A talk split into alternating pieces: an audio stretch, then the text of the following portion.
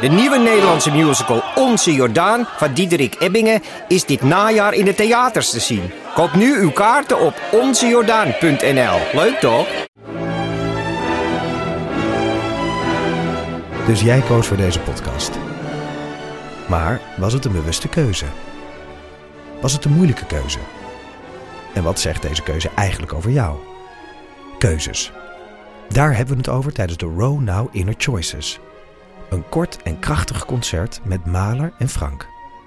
Een avond waarop experts je meenemen in drijfveren, twijfels en de gelijkenissen tussen keuzes in muziek en het echte leven. Kom 19 april naar het Residentieorkest in Den Haag. Een kaartje heb je al vanaf 20 euro.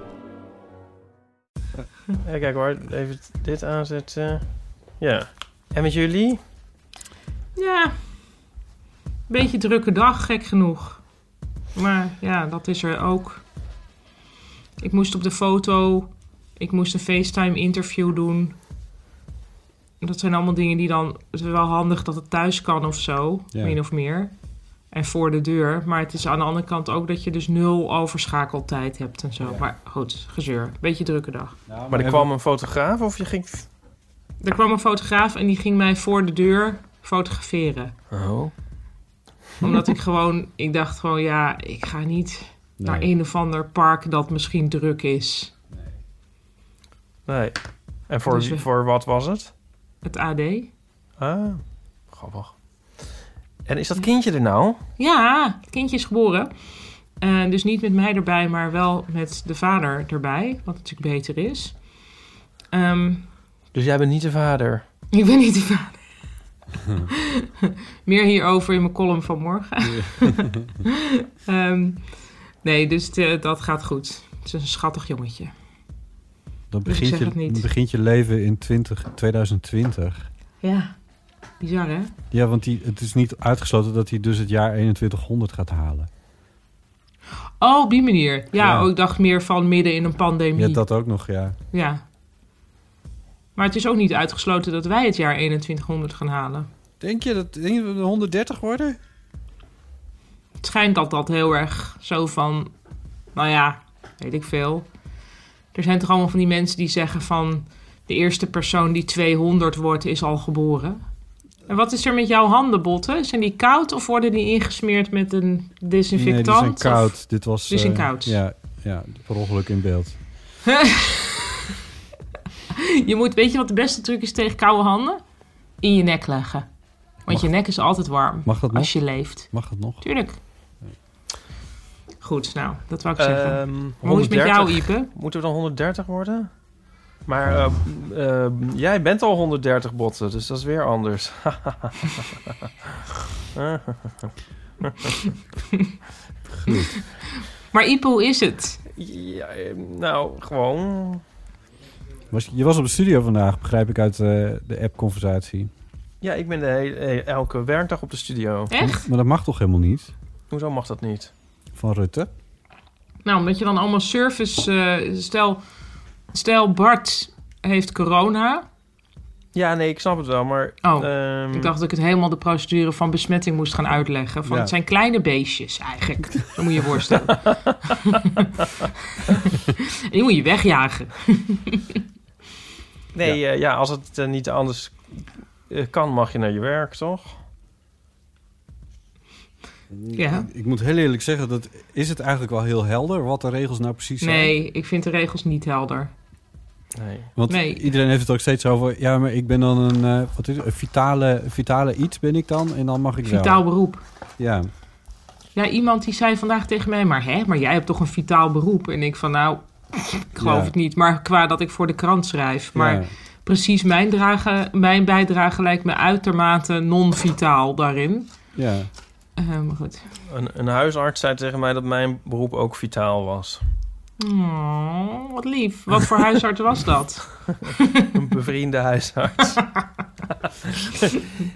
nee, maar ja, ik bedoel, ja, Bart en ik zitten allebei in aparte ruimtes. Ik heb gewoon mijn eigen ruimte. Oké, maar je, en in de, pre- in de pantry, eh, eh, wat raken jullie, wat, hoe doe je dat? Eh, Ik heb nu, we hebben ook ons eigen koffiezetapparaat. Echt? Wauw. Ja, we hebben onze eigen wc. Echt? Ja. Jezus. Ehm, ja, dat is Ja, dat klinkt zo. eigenlijk wel heel goed. Maar ehm, eh, ik heb wel de boter doorgegeven vandaag. Oh nee. Maar, eh, ik denk dat we, ik Oh. denk dat dat het niet zou zijn. Het is misschien de verplaatsing kan je me kwalijk nemen door de stad, maar ja, je mag ook voor een frisse neus naar buiten. Dus dit is dan mijn frisse Ja. neus heen en terug. Oké, En- nou goed. Het, het, ehm, ik hoorde iemand anders. Of niet? Waar? Hoorden jullie nog iemand? Nope. Nee? Oh. Ehm, oeps. dat is de CBD. Eh, en ik denk dat het bespaart weer eh, één of twee eh, doden in de vorm van eh, Nico en ik eh, met huiselijk geweld. ja, is het heel erg? nou, het is wel erg, ja. ja? Vertel eens. Of, zit, ja, of kan dat nu niet? Kun je vrij uitspreken? Ja, want hij is naar de slaapkamer. Al drie uur geleden. Oh, echt? Nee, niet Oh. echt. Nee, net. Ja, nee, weet ik niet. Ja, we zitten gewoon heel erg op elkaar. Ik weet niet. Ik vind het niet bevorderlijk voor eh, Hmm. alles. Nee. Jullie? Hoe is dat bij jou? Oh, nee. Eh, hoe is dat bij Ehm. jou, Paulien? Jezus. Nou ja, we zijn heel druk bezig omdat Chris die dagelijkse podcast heeft. Dus we zijn eigenlijk de hele tijd in een soort van heen en weer modus van jij nu met Wiek en dan ik eh, even werken en dan jij weer werken. Dus eigenlijk het is allemaal super... Ja, we komen zeg maar niet om van verveling. We hebben niet zo heel veel Nee. tijd. Maar da- Nee. En dat lijkt eigenlijk op ons normale leven, want dan hebben we ook niet zo heel veel tijd. Maar, maar ja, uiteindelijk wel weer meer. ehm, nou ja, al die schooltijd is er natuurlijk niet. Nee. Dus ik heb bijvoorbeeld vandaag, nou, ik denk wel anderhalf uur non-stop intensief met Playmobil gespeeld. Nou, vond ik toch eigenlijk wel goed. Ja. Heel vaak dan denk ik van, nou goed, ik geloof het verder wel. Maar nu eh, dacht ik, nee, ik ga nu eens even helemaal mee in dit verhaal. Ik ga al die karakters even visualiseren. En ehm, nou, toen ontstond er toch iets heel leuks. Nou, leuk. Dat vind ik wel fijn. Dat zijn goede dingen. Maar ja, het voelt een beetje... Heb je niet ook dat in deze fase dat... Er zijn best wel veel dingen waar ik van geniet momenteel. Hm. Dat- Ah, wauw.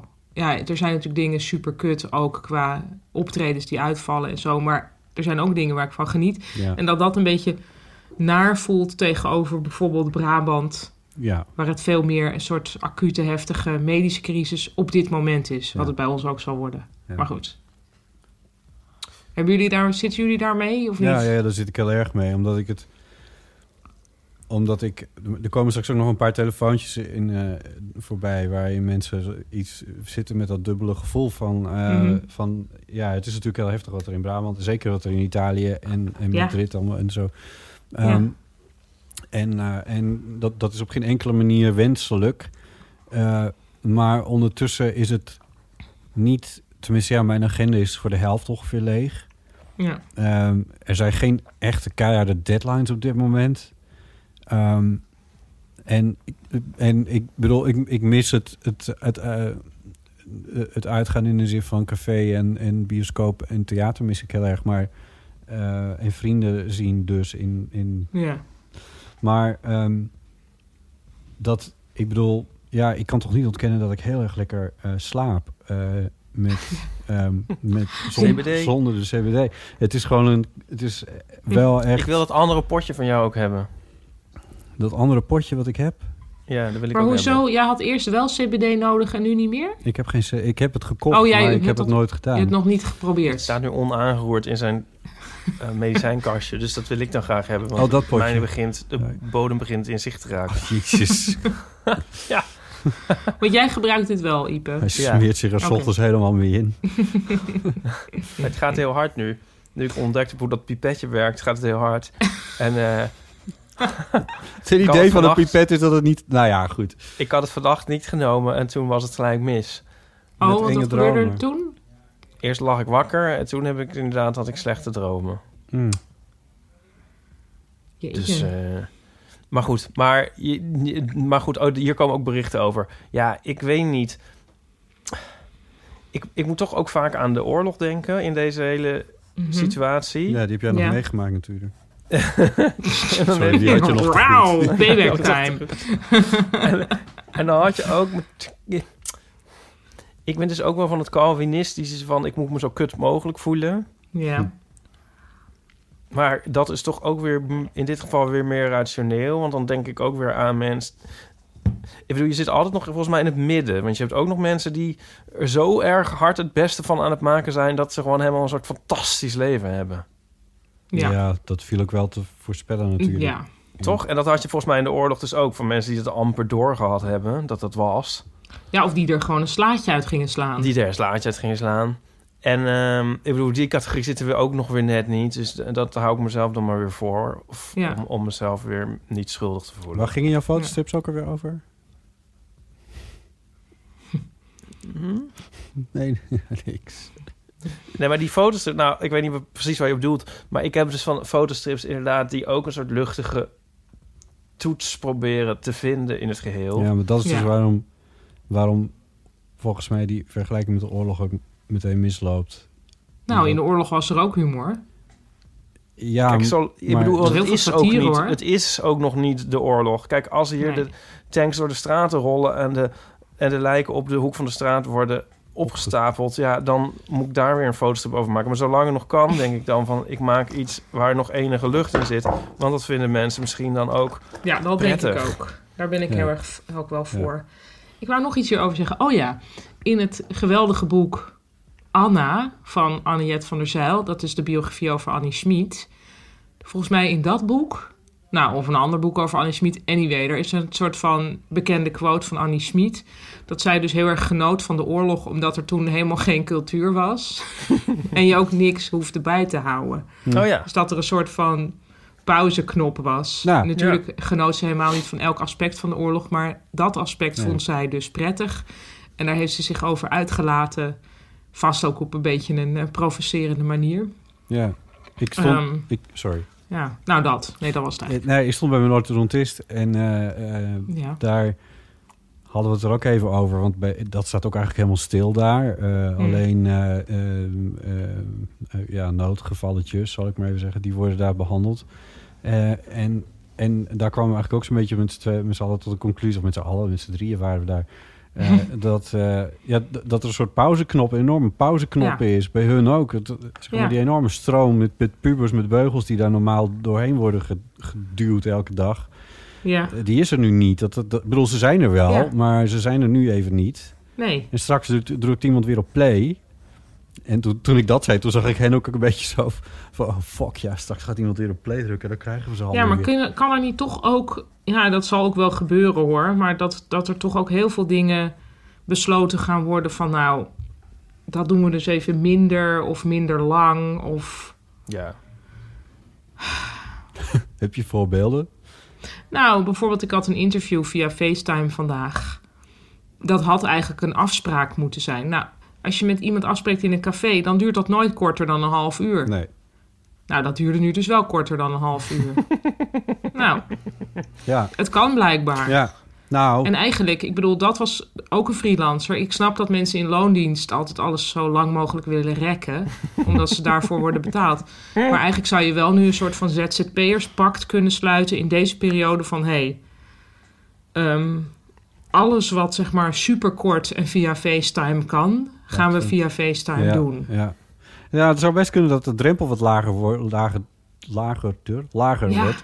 Eh, ook hierover trouwens nog meer in een berichtje straks. Eh, maar ehm, eh, ik hoop dus ook dat er...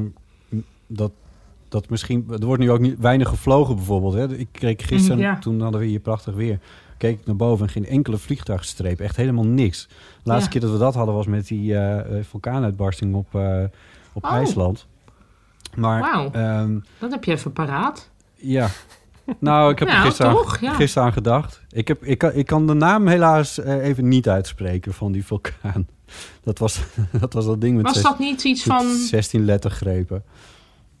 Ja, wat was dat ook alweer? Ja. Oh, dan gaan we nu dan hier... Nee, het was echt ook heel complex. Ik dacht iets van Lofoten of zo, maar dat was het Nee, dus nee, nee. Het was een hele lange, ingewikkelde IJslandse naam. Anyway, eh, dat, maar dat er dus nu misschien ook mensen denken van... oh ja, maar dat vliegen, dat hadden we misschien toch ook niet zo nodig... als we dachten dat we het altijd nodig hadden. Ja, ja. Dit, dit gaat Ja. vast niet Of- gebeuren, maar dat hoop ik dan. nou, En kleding. eh, Er staan ook nu weer... eh, welk merk was het nou? Scotch en Soda. Die hebben Mhm. hun collectie verplaatst, zeg maar. Ja? naar 2021. Oh, als jullie trouwens... Ja, of uiteindelijk op de, op de opname... Je hoort Chris heel hard in de andere kamer iets roepen. Maar dat, zeg, ik- dat benoem ik dan nu even. Dat hoor je vast Oh, op ik mijn microfoon. Die is mensen aan het regisseren via de telefoon op luide toon. Ja. Oké. Ik hoor niks. Nee, nu nog niet. Maar uiteindelijk vangt deze microfoon van mij denk ik wel op. We, zullen- we zullen zien. Oké, als Scotch en soda. De Ja, collega's. ik stukjes dacht- man met de ik microfoon van- lekker over in deze podcast. Mooi. Ja. Andere is dit hetzelfde? Nee, misschien niet echt. Maar ik bedoel, wie heeft er eigenlijk allemaal... Wie heeft er nieuwe spullen en nieuwe kleren nodig eigenlijk?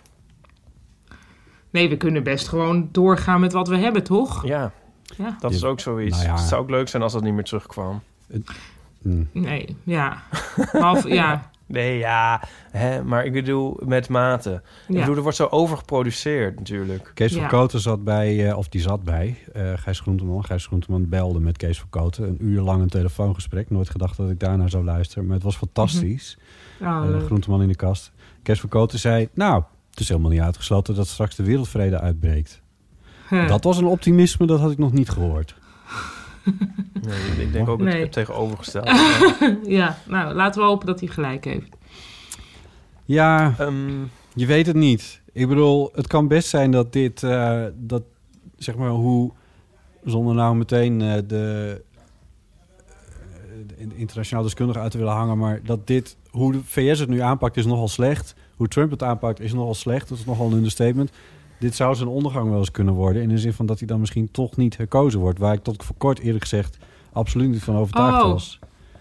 Ehm, Ja, ja, oh ja, dat weet ik niet. maar nu, dit willen we eigenlijk niet, vind ik. Hier kan ik dus zelf niet tegen. Bij andere dingen. speculaties. Ja, wij weten dit niet. En je wordt, ik, word er helemaal, ik word er alleen maar een soort para van. Als ik dit soort Jullie dingen niet? zeg. Ja, Ehm, ondertussen, ja, omdat het ongetwijfeld op mijn microfoon heel hard te horen is. eh, het is wel grappig, want Chris is nu een scène aan het opnemen die ik heb geschreven. ik schrijf dus de hele tijd scènetjes tussendoor. En dit is er eentje, dat, ik denk dat dit jullie ook wel aan zal spreken qua thema. ehm, over quarantaine buddies. Dus mensen Oh ja. die met elkaar hebben besloten van wij gaan die quarantaine samen doen. Ja. En hoe dat dan uit de hand loopt. En er wordt gespeeld door Daniel Cornelissen en ehm, Tom van Kalmthout. Die, die, zijn, eh, die is van Rundfunk of Roentfunk, Oh ja. hoe je het moet zeggen. Maar heel leuke gast ook. En Daniel is een heel grappig acteur, vind ik. En die, eh, die zijn elkaars, die zijn echt huisgenoten. En Oh. die hebben nu in hun fietsenhok of zoiets, of in hun, in hun berginkje, hebben ze een geluidsstudiootje gemaakt. Hm. Dus ik kan nu voor hun scènetjes schrijven die ze gewoon samen kunnen acteren. Oh, wat goed. Hoe grappig is dat? Ja. Vind ik zo leuk. Oh, wauw. En dat nemen ze dus, dat, d- d- dus samen Zij nemen het op. Chris En ook. Chris is nu aan de telefoon aan het zeggen: nee, nee. Ja, maar dan moet jij van een beetje verderop roepen van... ik had mijn handen wel gewassen en zo, dat soort dingen. Oh, oké. En dan, zij nemen het zelf op de plekken zoals wij dit nu ook Ja, doen. eh. precies, Oh, ja. wat goed. Wat leuk. Hè? Tenminste, of doen ze er nog een... Man met de microfoon stond... Of wacht even, ho. Het zou kunnen, nee, want ik heb het geschreven als voicemailberichten. Dus het kan ook dat ze dit gewoon telefonisch opnemen. Oh, zo. Oké. Maar het zou dus anders kunnen. Ja. Man met de microfoon stond vandaag op nummer drie in de Nederlandse hitlijst van iTunes. Ja, tof. En weet je wie er op één stond? Ja, omdat jij met een foto stuurde, ja. De Paulien Cornelis podcast. Ja, die stond op nummer 1. Maar En dat is stond er op twee? ja, Oh. met het oog morgen. Ja, sorry. Oh. Het is wel een... Ik moet meteen eh, self-deprecating hierover zijn... dat dat een vertekend beeld is. Want ik ben nu dus eigenlijk op advies van jou, Bots Jellema... ehm, mijn, ik had twee podcasts, namelijk eh Verwarde Cavia en Taal voor het Leuk. Maar dan betaalde ik eigenlijk voor twee podcastabonnementen... en ik vond dat niet helder en gewoon stom. En toen, nu maak ik er één podcast van. Dus nu pleur ik in één keer heel veel van die oude cavia-dingen op de, op Op de de andere de podcast. En heb ik hem op de Taal voor Leuk podcast. En die heb ik hernoemd, de Paulien Cornelis podcast. Met een enorm leuk podcastbeeld erbij. Eh, heel snel in elkaar geknutseld. Maar omdat al die afleveringetjes van de Verwarde Cavia heel kort zijn... is dat volgens Ja. mij heel snel. Als mensen dan doorluisteren, dan lijkt Ja. het dus alsof ze totaal Dat, eh, niks anders doen dan dat luisteren. Maar eigenlijk zijn ze gewoon, hebben ze misschien zeven minuten geluisterd. Ja, maar dat werkt als een tierenlier in het algoritme van, eh, van iTunes. Dat was Blijkbaar, ja. Maar drie goed, jaar dat geleden mensen... met de cavia was het ook al zo, of twee was jaar. ook zo, ja. Toen heb je ook heb je een jaar lang heb je bovenin eh, alle hitlijsten gestaan. Omdat die cavia... Ja, die is echt, hij is, ik zag nog op Soundcloud, waar die, waar die dus eigenlijk op stond, dat hij in totaal heb ik daar meer dan 2 miljoen downloads op. Ja, wij zouden eigenlijk wel veel heel, is. heel van amateur ook moeten opknippen in stukjes van 3,5 minuut. Bijvoorbeeld. Ja, en een stuk Luister zo direct verder. Ja, Ja. Naar gaan de even naar de aanvullingen en correcties. Naar, luister zo, Naar zo de meteen verder de naar de no- donaties. Ja. oh ja. Zal ik dan even officieel beginnen? Dan kunnen we dat, eh, hebben we dat maar Graag. Hebben we dat eh, ook meteen. Oké. Ja. Welkom bij de Eeuw van de Oh. Amateur, aflevering 133. Een wekelijkse podcast over het leven en alles wat daarbij komt kijken. Sorry, sorry, stop, stop. Het draaiboek heet Eeuw van de Amateur 134. Je hebt gelijk, ik zit verkeerd. We hebben 133 voor gemaakt. Wow. On point, Nee, wacht, On even- point. dit is eh, heel goed. Ik dacht, hij gaat nu het weer botten lopen te verstoren voor niks. maar het was wel voor iets. Ik ga het even opnieuw doen, want dit, eh, dit heeft verder niemand wat aan. Heeft Dat niemand Iep, wat aan? dat Iep gelijk had. je, hoort, je hoort mij een Ik doe even een scherp- perspectiefraam. Om jullie Oh, even wat perspectief te geven. Oh mooi, heel goed. Dit knip je er niet uit, Botte Jellema. dit was... Mensen Dit denken was- altijd dat dit ik was niks een kan. Stop, stop, stop. Oké, klaar. Ja, het gaat er niet uit. Jawel. Nee, Nee, ik gaat er niet uit. ik ga er de hele tijd op terugkomen.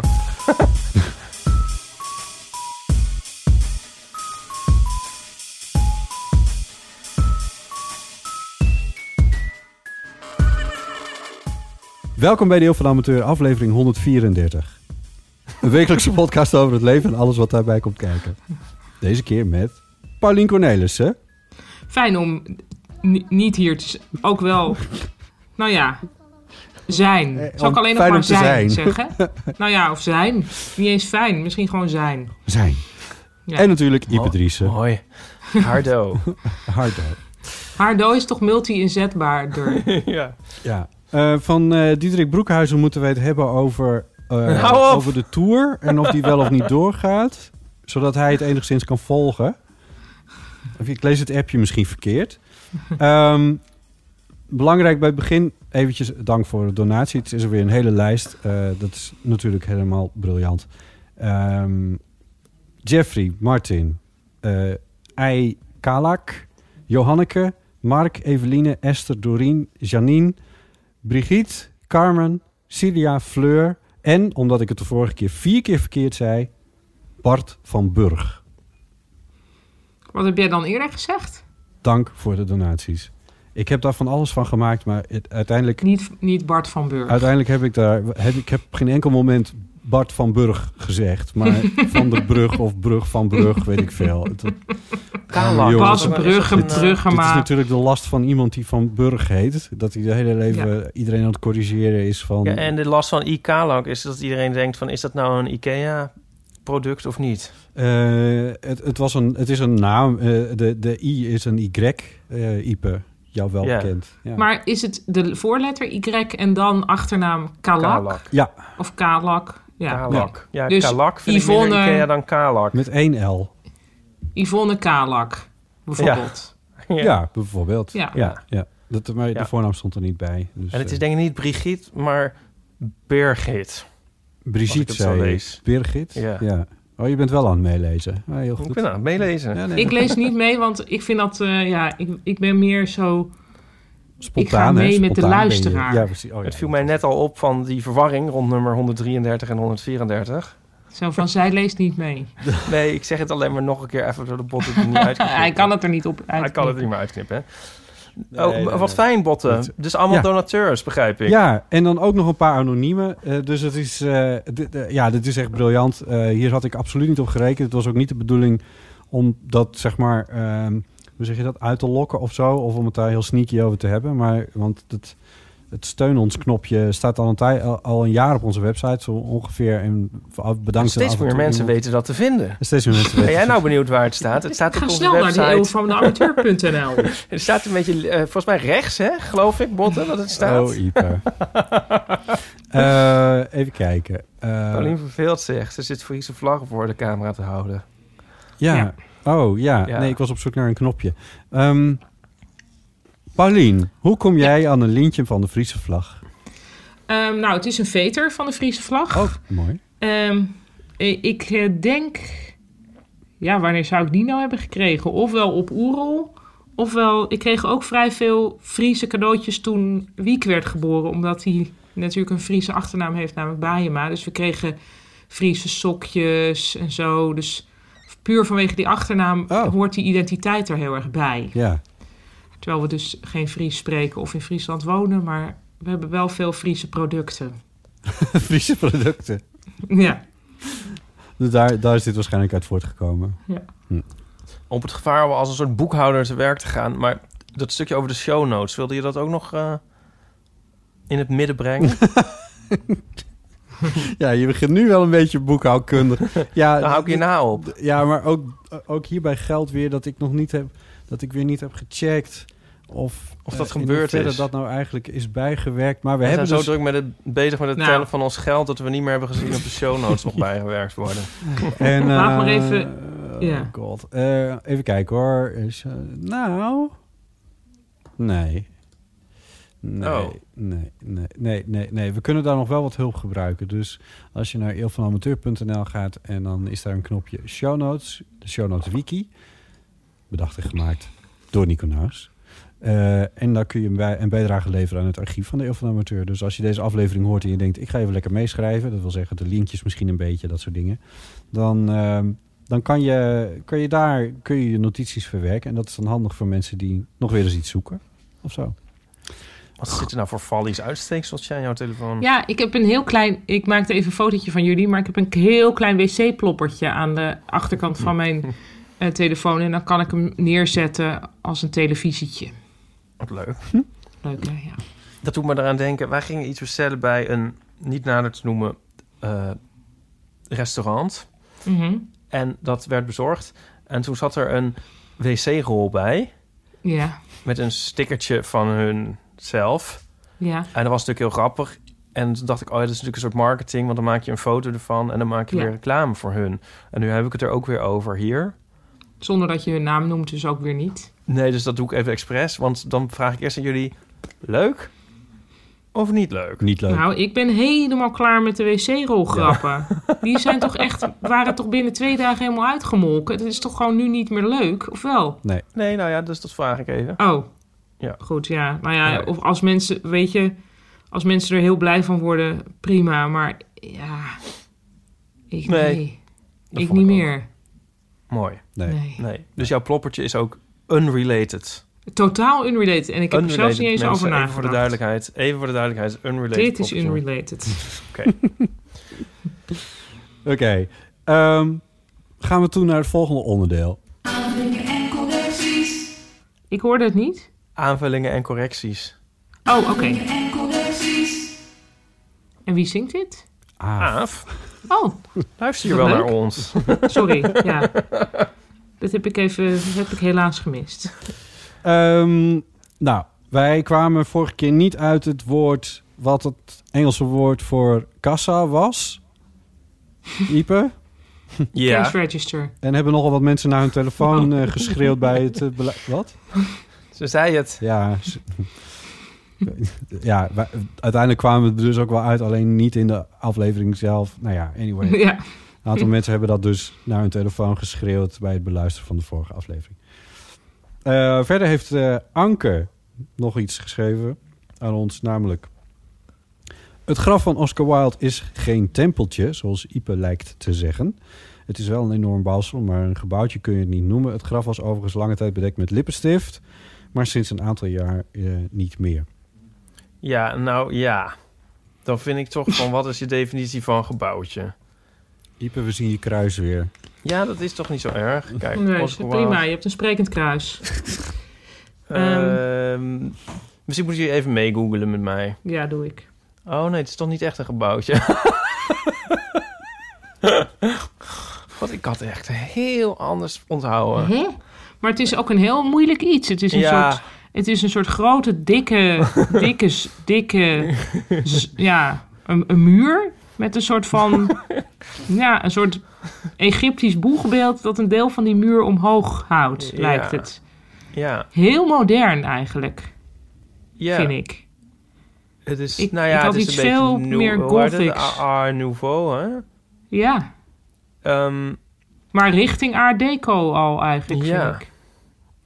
Nee, ik had het echt helemaal... Ik heb het helemaal verkeerd onthouden in mijn hoofd. Ja, waar anders in. Eh, dus eh, dat was dan toch van, van toepassing, deze aanvulling en correctie. Ja, Ja. oké. Eh, vorige keer hadden we het over, ehm, of tenminste toen vertelde Geeske over wat zij zo al aan het doen was in, eh, in Leeuwarden met eh, deze wat vreemdige situatie. Onder andere dat ze het graf van de, eh, van de opa van haar man eh, hadden bezocht en schoongemaakt. Ehm, Wauw. en eh, dat er eh, op de grafsteen een, eh, een spelfout staat. Wauw. Eh, ja, al heel lang. Nee, toen zeiden we van daar willen we toch wel iets meer over weten. Eh, heeft, Oh ze, ja, heeft ze nog Oh, iets over eh, gestuurd. oh vet. Leven vreun.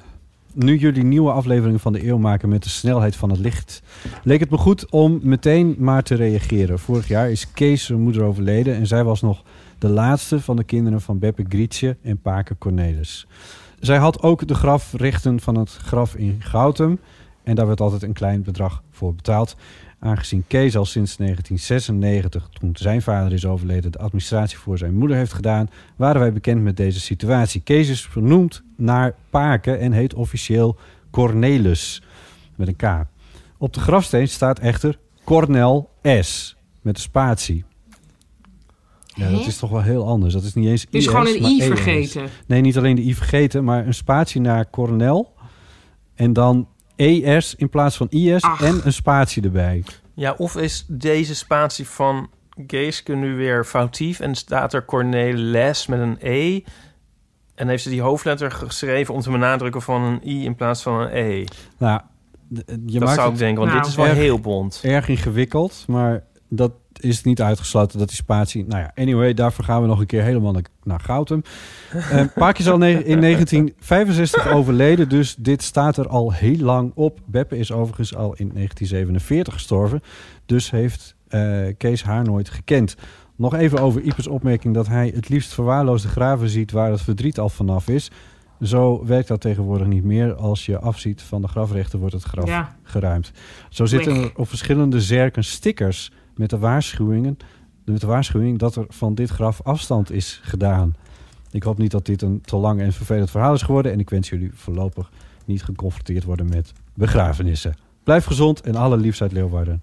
X Geeske. Ik vind Nou, het eh, superleuk. he- helemaal geen vervelend verhaal. Nee, ik ook niet. Het is eh, interessante informatie zelfs. Ehm, maar als, er afstand, als je afziet van grafrechten, maar als je zolang je dat niet doet, heb je dan een soort plicht of zo om dat eh, bij te houden of zo? Nee, je kan dus betalen voor de grafrechten en er dan niks aan doen. Ja, Ja. En dan krijg je het effect waar jij blijkbaar vrolijk van wordt. ja. Nou, maar ik vind toch betalen voor het graf is ook al een soort een vorm van rouw. ja. Maar je hebt volgens mij ook, ik heb toch ook het idee op die begraafplaats, ik weet, niet, weet het niet zeker, maar op die begraafplaatsen in Utrecht waar ik het over had, eh, daar, dat ligt er allemaal zo armoedig bij dat ik nou niet het idee, dat kan haast niet dat daar Maar bij een voor- Joodse begraafplaats is het anders. dat is? Die worden ja, niet geruimd. Precies, ja. Misschien is het de Joodse. Nee, nee, dit zijn Oh. de, kat- volgens mij is het een katholiek en een protestants of zo. Ze liggen naast elkaar. Hmm. Eh, nou ja, anyway. Anywaytjes. Er zijn, eh, er zijn, dus ze zijn, bestaan nog wel in ieder geval verwaarloosde graven, gelukkig. Voor eh, als je een keer een leuk huisje wil.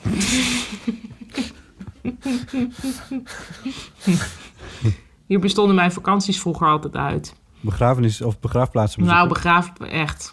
Elke begraafplaats waar we langskwamen. Ja? Ja, mijn vader houdt heel erg van begraafplaatsen. Ik dus- dacht jouw vakanties van dit jaar. Nee, Oh, nee, nee, Toen Nee, ik als kind, zeg maar. Dus ja, zoals dit wandelen. is niet, eh, niet op jou overgegaan dan. Nee, ik word er toch... Nee, ik, word er helemaal niet per se vrolijk van. Nee? Gek genoeg. Ik vind het wel echt gek. Een Ja, goede begraafplaats, die laat ik niet liggen. Ja, ja mijn vader is ook eh, ja, echt fan. ja, Ik niet zo heel erg. misschien kunnen wij Is, er, heb je er Ja. ooit naar gevraagd waarom die dat... eh, Maar ja, hij vindt het gewoon heel interessant hoe al die stenen eruit zien. En soms zijn natuurlijk graven ook heel smakeloos met foto's en zo. Daar geniet hij ook ontzettend van. ja. ja, dus je ziet hem echt gewoon vol vreugde daar rondlopen. Ja, dat is eigenlijk als je een soort, soort, soort eh, aan het heet genieten bent van een begraafplaats. ja. ja, maar het is niet eens heet genieten volgens mij. Nee, Het is gewoon nou, een soort, ja. ja, een soort campiness of ik weet niet wat Ja. het precies is. Ja. Maar ik, ik zie hem daar wel echt opbloeien. Nou, Ja. Je hebt je maatje gevonden. Ja, Ja, moet je een keer doen. Het is niet zo... Ik bedoel, ik we- we- wil natuurlijk wel graag eh, een beetje een... eh, hoe heet dat? Wat is nou het woord? Eh excentriek figuur zijn of zo. Maar dit is toch ook niet zo'n raar, toch? Ik denk dat best veel Nee, er mensen zijn dit best wel meer mensen. nou, voor mij is het dus volstrekt raar. normaal. Dit is maar echt ab- volstrekt absurd dit. ik vind het wel mee. Ja, ik vind wel het wel mee. mee. Ja. ja. Dan zijn we het daar Hey, over eens. Zijn er nog inbellers of eh, ga ik te Er snel? zijn, eh, er zijn heel veel inbellers. Je gaat een beetje snel, want we hebben ook nog... eh, zal, ik, zal ik eerst de, de, de briefjes even doen? Ja, briefje van Sarah. Hoi, Botte, Ipe en Paulien. Jullie praten in afle- de aflevering van 24 maart... hoe jullie erg uitkijken naar het eerste concert waar je weer heen mag. En ook over die vrouw die op bevrijdingsdag met migraine in bed lag. Misschien hebben jullie het al heel veel voorbij zien komen online. Maar ik hoop heel erg dat door deze bizarre situatie van sociale isolatie... er meer aandacht komt voor mensen die in verband met gezondheid... al maanden, slash jaren, slash hun halve leven in zwaar isolement leven. Juist omdat we deze mensen nergens tegenkomen... verdwijnen ze langzaam uit de maatschappij. En dit zijn echt heel veel meer mensen dan je denkt. Ik heb zelf mild hersenletsel door een val met een fiets... en zit al jaren zwaar vermoeid thuis. Ik kan niet naar cafés, verjaardagsfeestjes en zelfs musea zijn te overprikkelend. Ik kan gelukkig wel naar buiten, maar veel mensen zijn zelfs het grootste deel van de dag aan bed gebonden. Ik hoop dus dat de huidige situatie meer begrip brengt voor deze grote groep. En mensen inzien hoe ontzettend belangrijk sociaal contact is, juist als je verder niet zoveel kan. Dus als jullie, slash jullie luisteraars, weer gezellig samen het eten kunnen... ga dan ook even langs bij die vriend kennis die dat niet kan... ook al is het een half uurtje fietsen. Of, heb, of vraag wat iemand nodig heeft of kan helpen voor meer sociaal contact. Ik heb de afgelopen week ontzettend genoten van het videobellen in groepen. We doen zelfs spelletjes. Ik hoop heel erg dat deze vorm van toegankelijkheid in stand blijft... voor mensen met een beperking... en niet weer verdwijnt als gezonde mensen het niet meer nodig hebben. En dit geldt niet alleen voor sociale contacten. Ik heb vaak gevraagd om gesprekken met artsen, slash maatschappelijk werkers, slash UWV telefonisch eh, te houden. Maar dat was meestal niet mogelijk. Mij kost zo'n afspraak een dag aan energie. En nu kan het opeens wel, wat heel goed is, maar ook frustrerend. Er zijn ook veel tieners die moeten stoppen met school omdat ze niet meer kunnen komen. Terwijl ze prima vanuit bed kunnen leren. Ik hoop echt heel erg dat voor die groep dit een kans is om wel een opleiding af te maken. Want het is natuurlijk een en al ableism, is mensen met een gezondheidsbeperking achter te stellen. Terwijl we al genoeg te verduren hebben zonder al die obstakels. Eh, hier, hier. Van oh, Sarah. ja. Nou, helemaal waar. Eh, ja, hier hadden we het natuurlijk in de inleiding ook al een klein beetje over. Ja. Eh, en ehm, Nee, maar specifiek richting mensen met een beperking is dat natuurlijk... nog een keer extra. Ja, inderdaad belachelijk eigenlijk dat blijkbaar tieners die met een, met een chronische aandoening zitten... niet gewoon op deze manier school kunnen doen... Ja. die nu ineens iedereen moet doen. Ja, dat, dat speelt natuurlijk niet om het daarvoor op te nemen of tegenop te nemen, maar daar speelt natuurlijk een efficiëntie helaas een rol in. Namelijk dat nu, als een, eh, een schooljuf nu een les opneemt voor YouTube of God knows what, Mhm. ehm, dan doet ze dat meteen voor alle 20 slash 30 mensen, Ja. kinderen in de klas. Terwijl als het over één persoon gaat, dan wordt die moeite vaak niet genomen. Wat dat betreft zou je deze filmpjes die nu gemaakt worden gewoon goed moeten bewaren. Nee, maar je zou toch gewoon... Je kan toch gewoon eigenlijk een iPad meesturen met een klas... Ja, En, die, en dat dat gewoon allemaal maar live gestreamd wordt de hele tijd. ja, dat is waar, ja. Waarom niet? Ja, ik bedoel, eh, als je dan als, als chronisch ziek kind thuis zit... dan pik je er van mee wat Ja. je mee kan pikken. De rest En tune al, je lekker uit. al die juffen en meesters die steeds zeiden... ja, dat is te technisch en te ingewikkeld voor me... die hebben eh, afgelopen week Nou, die veel weten geleerd. het nu. Ja, precies. Ja. Ja. Dus dat zou wel mooi zijn inderdaad. ja. Ik stel voor dat wij ook niet meer bij elkaar komen. Oh. Ja, maar, maar, maar, maar... Nee, maar het kan wel. Zo, ja. Ehm, even kijken, heb ik nog, nog een briefje, maar dat sluit wel heel erg aan op wat we nog gaan behandelen. Ik laat me voorstellen... Laat dan maar even. we- ja, die gaan we zo even doen dan. En dan gaan we nu eerst naar... 06 1990 68 71. En dat is het telefoonnummer wat je kan bellen. En dan krijg je de voicemail van de eeuw van de amateur. En dan kun je een berichtje achterlaten. En dat hebben heel veel mensjes gedaan. Mensjes. Ja, ik er ineens uit. Ehm, maar eh, dat is natuurlijk heel erg leuk. Er, er zijn twee mensen die hebben ingebeld met een soort voor de klas staan slash digi slash schaamteverhaal. Eh, dus ik dacht, laten we dat dan nu ook even doen. Eh, de eerste is anoniem. Hoi, eh, naar aanleiding van de vorige aflevering bel ik ook even in met een schaamteverhaal. Want dat, bij het vorige verhaal ging het eh, over iemand die voor de klas stond. En ik stond ook voor de klas, basisschool. Eh, ik had de groep 5, 6. En nou ja, daar ben ik was er gewoon werk fulltime. Dus met best wel een close band met die groep. En vertel je ook wat dingen over je privéleven. En ze wisten ook dat ik een vriendje had. En dat was haar net nieuw, die relatie. Dus het was natuurlijk, was hij heel erg blij, ook op werk. En dan, oh, juf is verliefd. Ja, je was ook lief, of is verliefd. Maar ehm, na schooltijd ben ik ook altijd lang in mijn lokaal. En ik ben dus ook ingelogd, was ik nog op mijn Facebook. Maar mijn hoofdcomputer is ook gekoppeld aan het eh, digibord.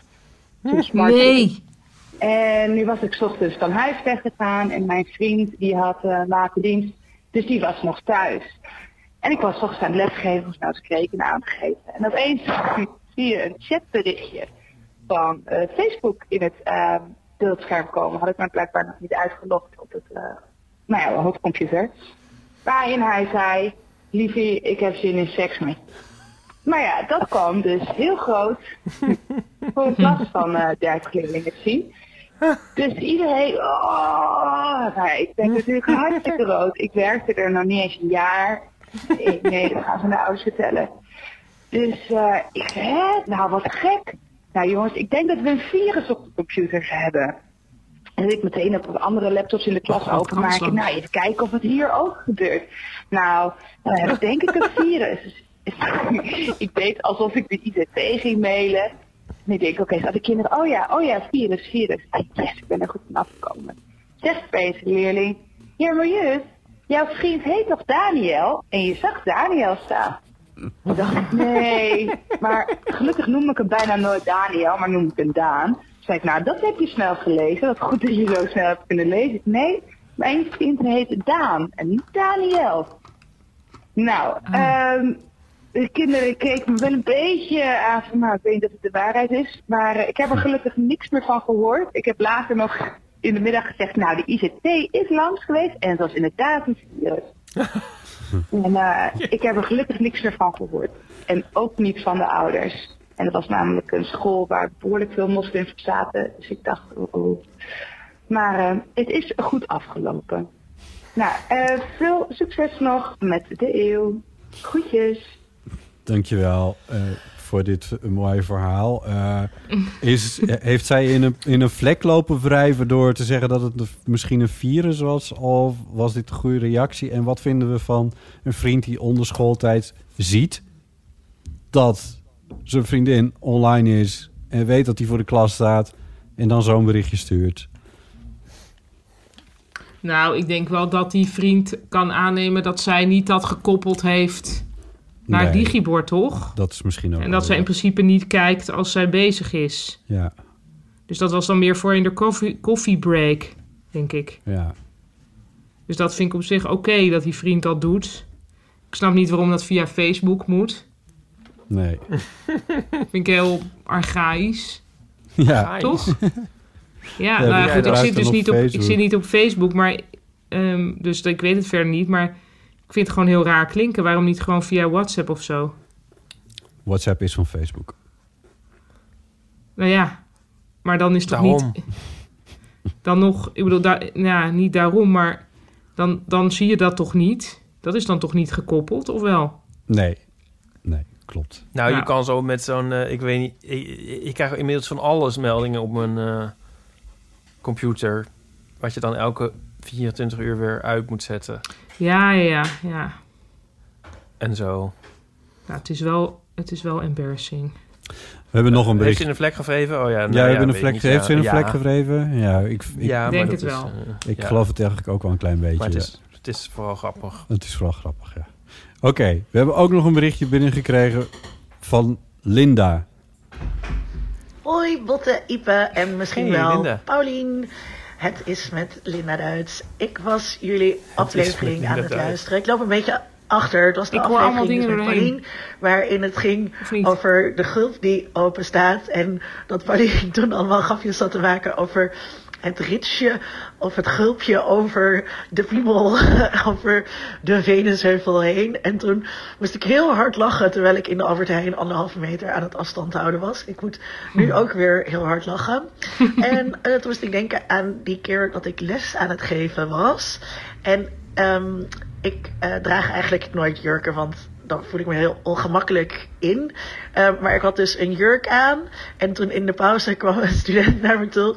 En die zei heel zachtjes en voorzichtig: ehm, Mevrouw, volgens mij heeft u uw jurk verkeerd om aan. en toen zat mijn jurk dus binnenste buiten terwijl ik al de hele tijd les aan het geven was. Ja, Oké, dit zou mij- groetjes, doei. Dit zou mij heel erg ook kunnen overkomen, ja. Oh.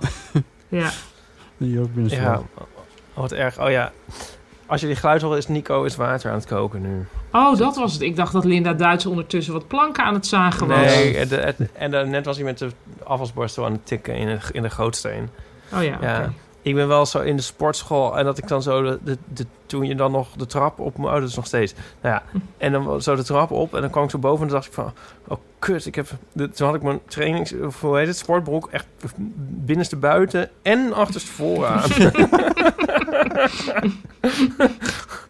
Je had gewoon een soort, ja, eigenlijk een soort lap tegen jezelf aangegooid. En maar gekeken.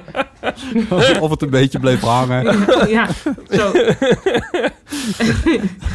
Neandertalers. oh ja, oh, vreselijk. Dan moet je weer zo terug. Nou ja, ja. Ja, of niet. Of het helemaal ownen. Nou, ja, dan moet je wel heel veel ownen in dit geval. Ja.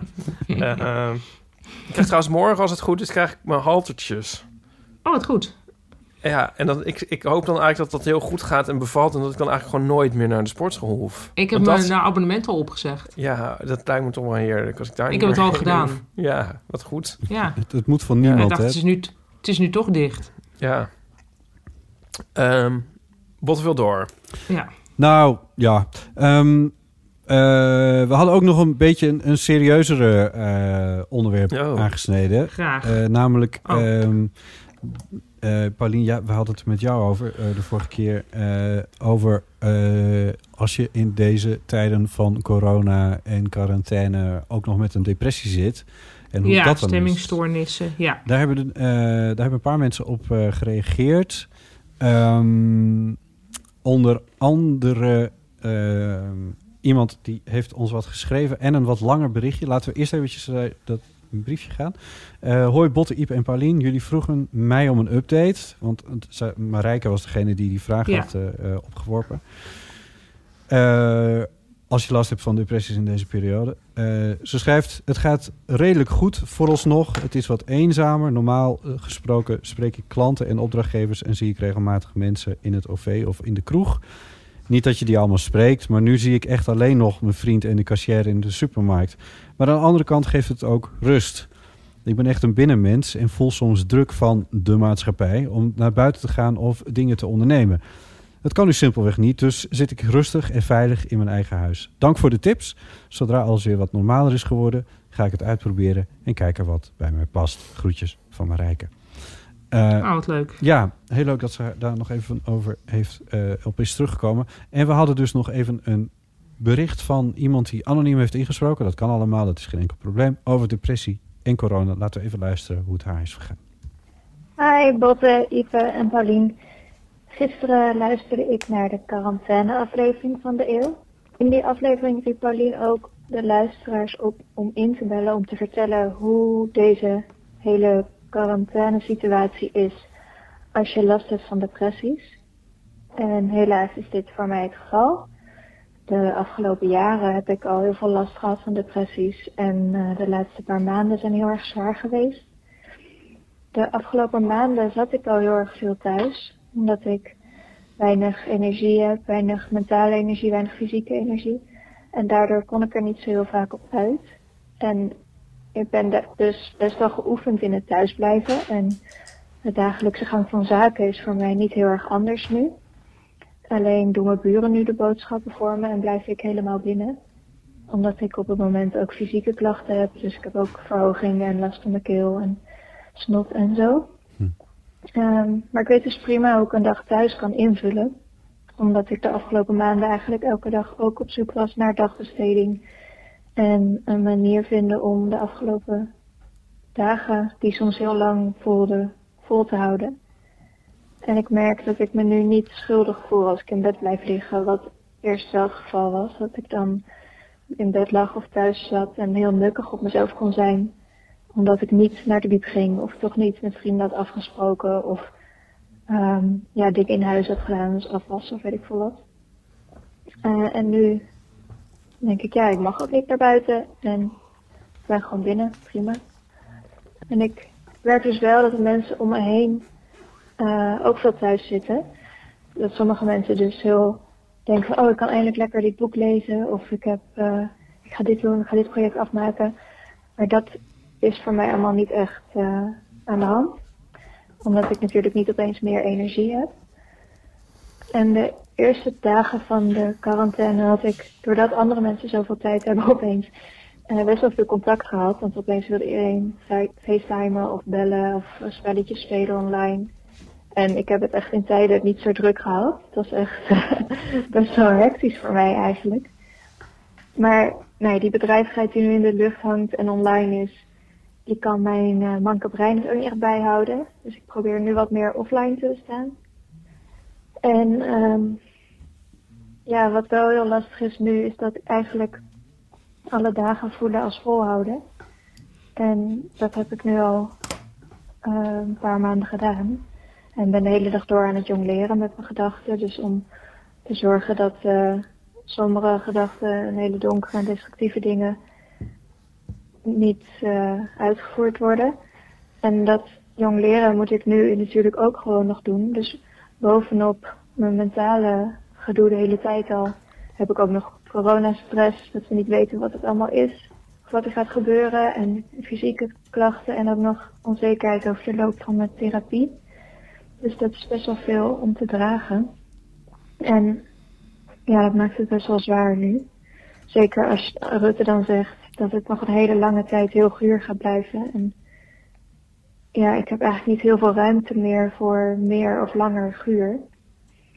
Uh, maar aan de andere kant geeft het me ook wel heel veel rust dat het leven buiten mijn kleine appartement nu niet meer bestaat of hoeft mee te doen. Het hoeft allemaal niet zo. Um, dus de lat ligt wat minder hoog. Het is oké dat ik gewoon de dingen doe in mijn huis en even naar de badkamer loop en even aan mijn bureau zit en een glas water drink. En de rest kan ik wat meer laten gaan nu. Dus dat is wel heel erg fijn. En ik ben gewoon dus heel erg geoefend in thuis zijn, omgaan met stress en angsten en hulp vragen aan mijn omgeving. Dus dat helpt nu wel. Dat heb ik allemaal heel goed geleerd in therapie de afgelopen jaren. Nou ja, ik hoop dat dit wat meer inzicht geeft in hoe het nu is in depressie. Heel dubbel en onwerkelijk dus, zoals voor iedereen. Nou, ik kijk uit naar jullie volgende podcast. En het is altijd echt een licht windje voor me als er een nieuwe aflevering is. Dus ik kijk er naar uit. Dank jullie wel. Nou, wat fijn. Wat een mooi bericht. Hartelijk dank daarvoor. Um, ik, uh, ik haalde daar een paar dingen uit. Bijvoorbeeld therapie als training voor deze periode. Mm -hmm.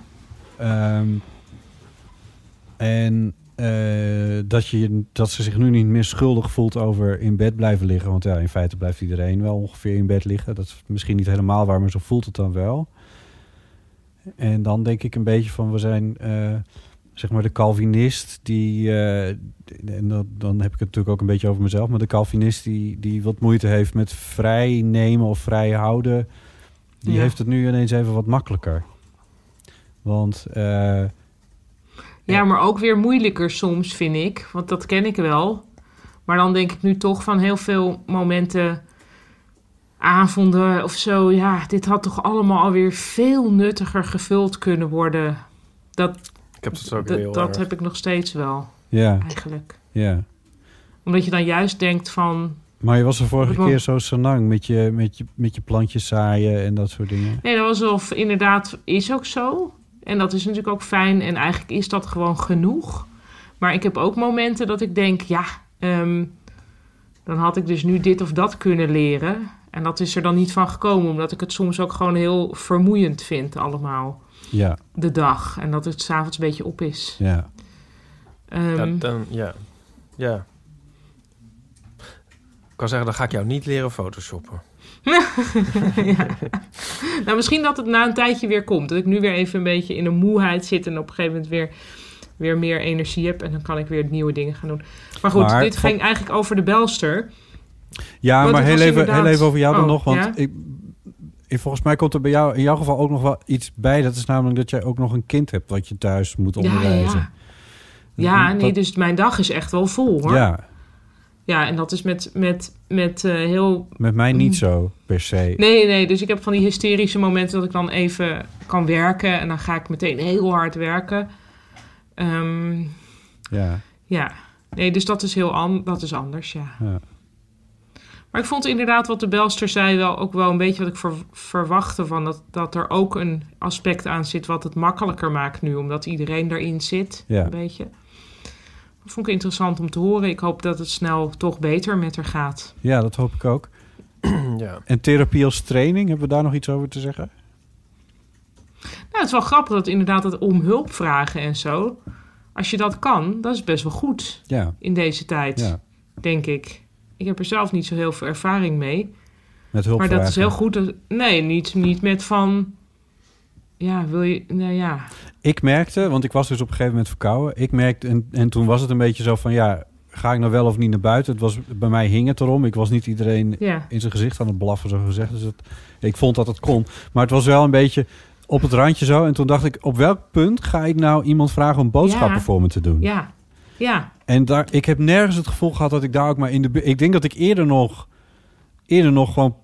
Dat ik nog een, een, een oude zak met pasta open zou trekken... om dan dat maar op te eten zonder daar verder iets Ja, wat bij... natuurlijk eigenlijk onzin is. Hè? Dat hadden allemaal mensen gewoon voor je kunnen en willen doen. Ja, dat weet ik. Maar vraag is, Ja. weer, is weer wat anders.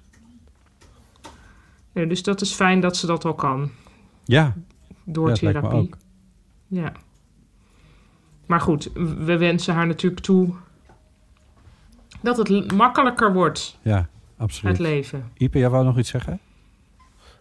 nee, ik eh, sluit me hierbij aan. Ehm, we hadden het ook over... eh, of de we, dat hoef ik helemaal niet na- naar mij toe te trekken. Dit kwam gewoon... Dit was gewoon een, van jou, Paulien. De Marie Kondo spijt op tante. Ja, ik heb daar trouwens toen meteen een sketch ook over geschreven. Voor Oh, Man leuk. met microfoon. Ja, ik zag En horen terugkomen, eh, ja. Ja, heeft Daniel Cornelissen dus ook weer eh, gespeeld. Wat die Die is dan fantastisch een. heet. Ja, ontzettend grappig. Ja. Dus die speelt een Marie Kondo spijt op tand. Ik weet even niet in welke aflevering van Man met de microfoon dat zit, maar Volgens mij die van g- eh, eergisteren, van zaterdag. ik denk langer geleden al. Oh. Ja, ik weet niet. Maar dan moet je maar eventjes. Het staat denk ik wel in zijn show notes. Maar Nee, dat hij hebt echt gelijk. heel grappig. Daniel zat in, zat in die... Nou, maar hij zat Ja. eerder over de spijt op tante in ieder geval. Ja. Ja. ja. Ehm, van harte aanbevolen trouwens. Eh, het- is het nog een beetje te doen met Christy eh, de hele dag door mensen aan het bellen? is? Jawel. Ja. Nee, ja. Het is, het is juist ook wel fijn dat we dus best wel veel te doen hebben. Ja, Dus we, we zitten niet in, wat dat betreft, niet in een leegte. of zo. nee, nee, precies. Daar hebben een eh, aantal mensen gebeld met spijt op tand verhalen. Laten we even naar een paar luisteren. De eerste is Daria. Hoi Botte en Ipe en een eventuele gast met Daria. Ik bel als ehm Marie Kondo spijt op tand. Een mooi woord van eh Paulien vorige week. Eh, ik, heb namelijk, ik ben namelijk een maand geleden ongeveer verhuisd en heb toen ook flink wat spullen de deur uitgedaan. Veel, veel boeken onder andere, maar goed, daar heb ik er nog genoeg van over. Maar een van de dingen die ik heb weggedaan is mijn gitaar. Die had ik al 15 jaar en ik heb verschillende pogingen gedaan om te leren spelen, maar dat is me nooit zo goed gelukt. Dus toen ik verhuisde dacht ik, nou, die, eh, die kan weg. En eh, nog voordat eh Pauline in de podcast het woord noemde, had ik al bedacht, oh, had ik die gitaar maar mee verhuisd naar mijn nieuwe huis. Maar goed, ik heb hem wel aan een goede vriendin gegeven. Dus ik hoop dat die er nu veel aan heeft. Ehm, heel erg bedankt voor het maken van de podcast. En heel veel sterkte voor iedereen de komende tijd. Groetjes. Dankjewel, Daria. Nou, dat is een mooie. Eh, In die sketch komt dus ook voor dat hij dan zijn accordeon heeft weggedaan. Ja, Eh, en dus die had er dan nu ook dat kunnen leren. En ik had verder, had ik, ik moest allemaal dingen verzinnen die hij dan weggedaan zou kunnen hebben, waar die nu, die die nu zou missen. En toen dacht ik, welke dingen zijn dat dan? En toen dacht ik, ik ga nu gewoon visualiseren alles wat je op Koningsdag op straat ziet. dus dan een kaasfondue-stel, ja, sesamstraatpuzzels, ja. allemaal dit soort... Suske en. Wiskes. Ja, precies. Ehm, we hebben ook nog een berichtje gekregen van eh Helene. En die is langs de rand van de afgrond geschoren. geschoren? Gescheerd. Hoi Botte, Ipe en het ging op afstand ingetunede gast met Helene. Ik ben sinds vorig jaar luisteraar en fan van jullie podcast. En ik wilde even reageren op de vorige, vorige uitzending waarin Pauline het had over de Maricondo spijtopstand. Ik vind zelf niet zozeer opruimen, maar met name weggooien soms best moeilijk. En was dus een tijdje geleden de Maricondo boeken gaan lezen. Nou, je kent het, categorieën en spark een voorwerp joy, dan mag het blijven, zo niet moet het weg. En dan moet het voorwerp eerst bedanken. Voorwerp. En ze legt ook heel erg de nadruk op wees realistisch. Ga je dit ooit gebruiken of niet? Ik begon Ja. dus met de kleren categorie 1, vond dat nog best ingewikkeld en het duurde ook wel lang. En sparkt het nou joy of niet? Nou ja, uiteindelijk traf ik toch drie vuilniszakken kleren naar het leven dus huil. Voor mijn overwinning. Maar goed, aan de andere kant had ik ook nog een stapel thuis liggen met ja, een soort van overgebleven twijfelkleren. En aan die categorie 2 boeken ben ik dus al helemaal niet toegekomen, laat staan de rest. Maar dan nu, die gedachtegang van Marie Kondo, ja, wees realistisch. Je hebt het boek niet meer gele niet, nog niet gelezen. Ga je het nog lezen? Nee, daar heb je waarschijnlijk geen tijd voor. Weg ermee. Die theorie zal wel eens aan een upgrade nu, eh, upgrade nu kunnen toe zijn, nu we met z'n allen alleen thuis zitten. En dat boek wat je ooit kreeg, dat, ehm, dat, ja, dat kun je misschien nu eigenlijk best wel gaan lezen nu je toch niet meer naar hardlopen kan. Geldt ook voor een pak zelfrijzend bakmeel. Stond al, ik weet niet hoe lang in mijn kast. Ik voorbij lezen, pas ja. naar de supermarkt ga. Ik kan er toch mooi pannenkoeken mee staan bakken. Dus, al met al, ik denk dat de uitspraak, of misschien het cliché, misschien wel het bankcliché, wie bewaart die heeft wat op dit moment toch echt iets is waar Marie Kondo waarschijnlijk van gruwt, maar dat echt wel aan een soort herwaardering eh, toe is.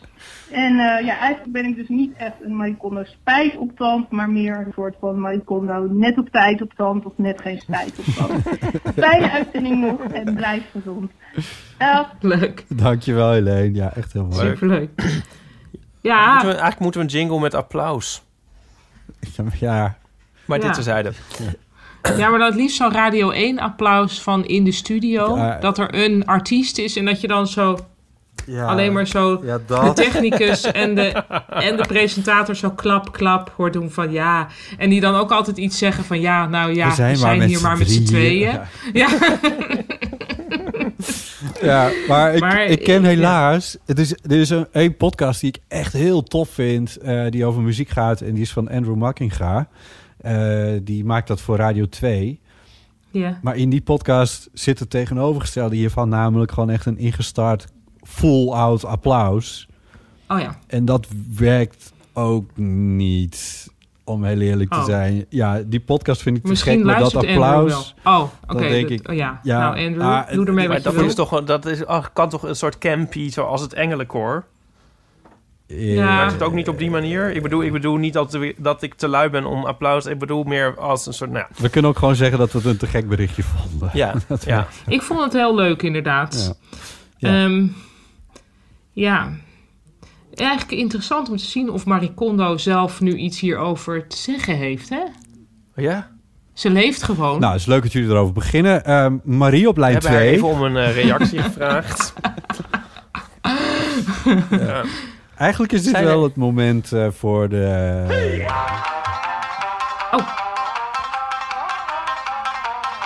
Oh, ja. Ja, toch? Ik wist even niet meer wat dat was, Oh. maar ik weet het weer. Ik moet niet zomaar, zomaar eh, eh, instartjes doen, begrijp ik. Nee, oké. Heeft niemand iets gezegd over van dat ze het jammer vinden dat ze seksspeeltjes hebben weggedaan? Ehm, nou, niet dat ik heb gehoord, maar dat moet natuurlijk leven. ja, toch? Eh, maar je startte de Japan-jingle in. ehm, Marie Marie Kondo Kondo komt toch uit? Japan? Ja, op die manier. Ja, ja, ja. Oh. Zo van alles wat min of meer met Japans te maken heeft. Ja, goed. Ja. Ja. Nou, het kan er natuurlijk ook nog meer over gaan. Nee, applaus mag niet, maar, die Marie, maar de Japan jingle, Oh, dat kan God. altijd. Oké, goed. Ehm, nog een berichtje over onder andere Marie Kondo van Jonica. Hallo Botte, Ipe, Paulien en vooral iedereen die luistert naar de eeuw van de amateur. Dit is Jonica.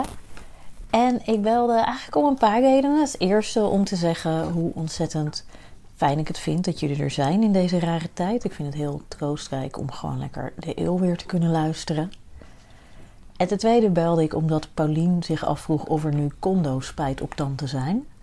Nou, daar kan ik me niet voor melden, want ik dacht dus al jaren dat ik dus de condomethode toe zou moeten passen, omdat ons huis uitpelt werkelijk van allerlei spulletjes waarvan we dachten dat we ze misschien ooit nog nodig zouden hebben, maar waarvan ik dacht ook van jezus, ik zou toch echt eens een beetje moeten opruimen. Heb ik dus nooit gedaan. En daar hebben we nu heel veel plezier van, want de kinderen komen eh, ja, met allerlei oud speelgoed op de proppen. We vinden boeken waarvan we niet wisten wat ze hadden. We blijken ook allerlei verborgen voedselvoorraden achter in kasten te hebben staan die lang houdbaar zijn. Eh, dus ik ben heel blij dat ik nooit gecondood heb. Hoewel er dus één dingetje is wat ik wel in een opruimbui in de badkamer heb weggegooid, waarvan ik nu dus echt heel erg spijt heb. En dat was een setje wat ik ooit cadeau had gekregen om zelf je haar eh, goed te kunnen knippen. Vooral je pony, om die dan netjes Ach, recht te knippen. Ja. En eh, nou ja, dat heb ik dus wel een keer weggegooid.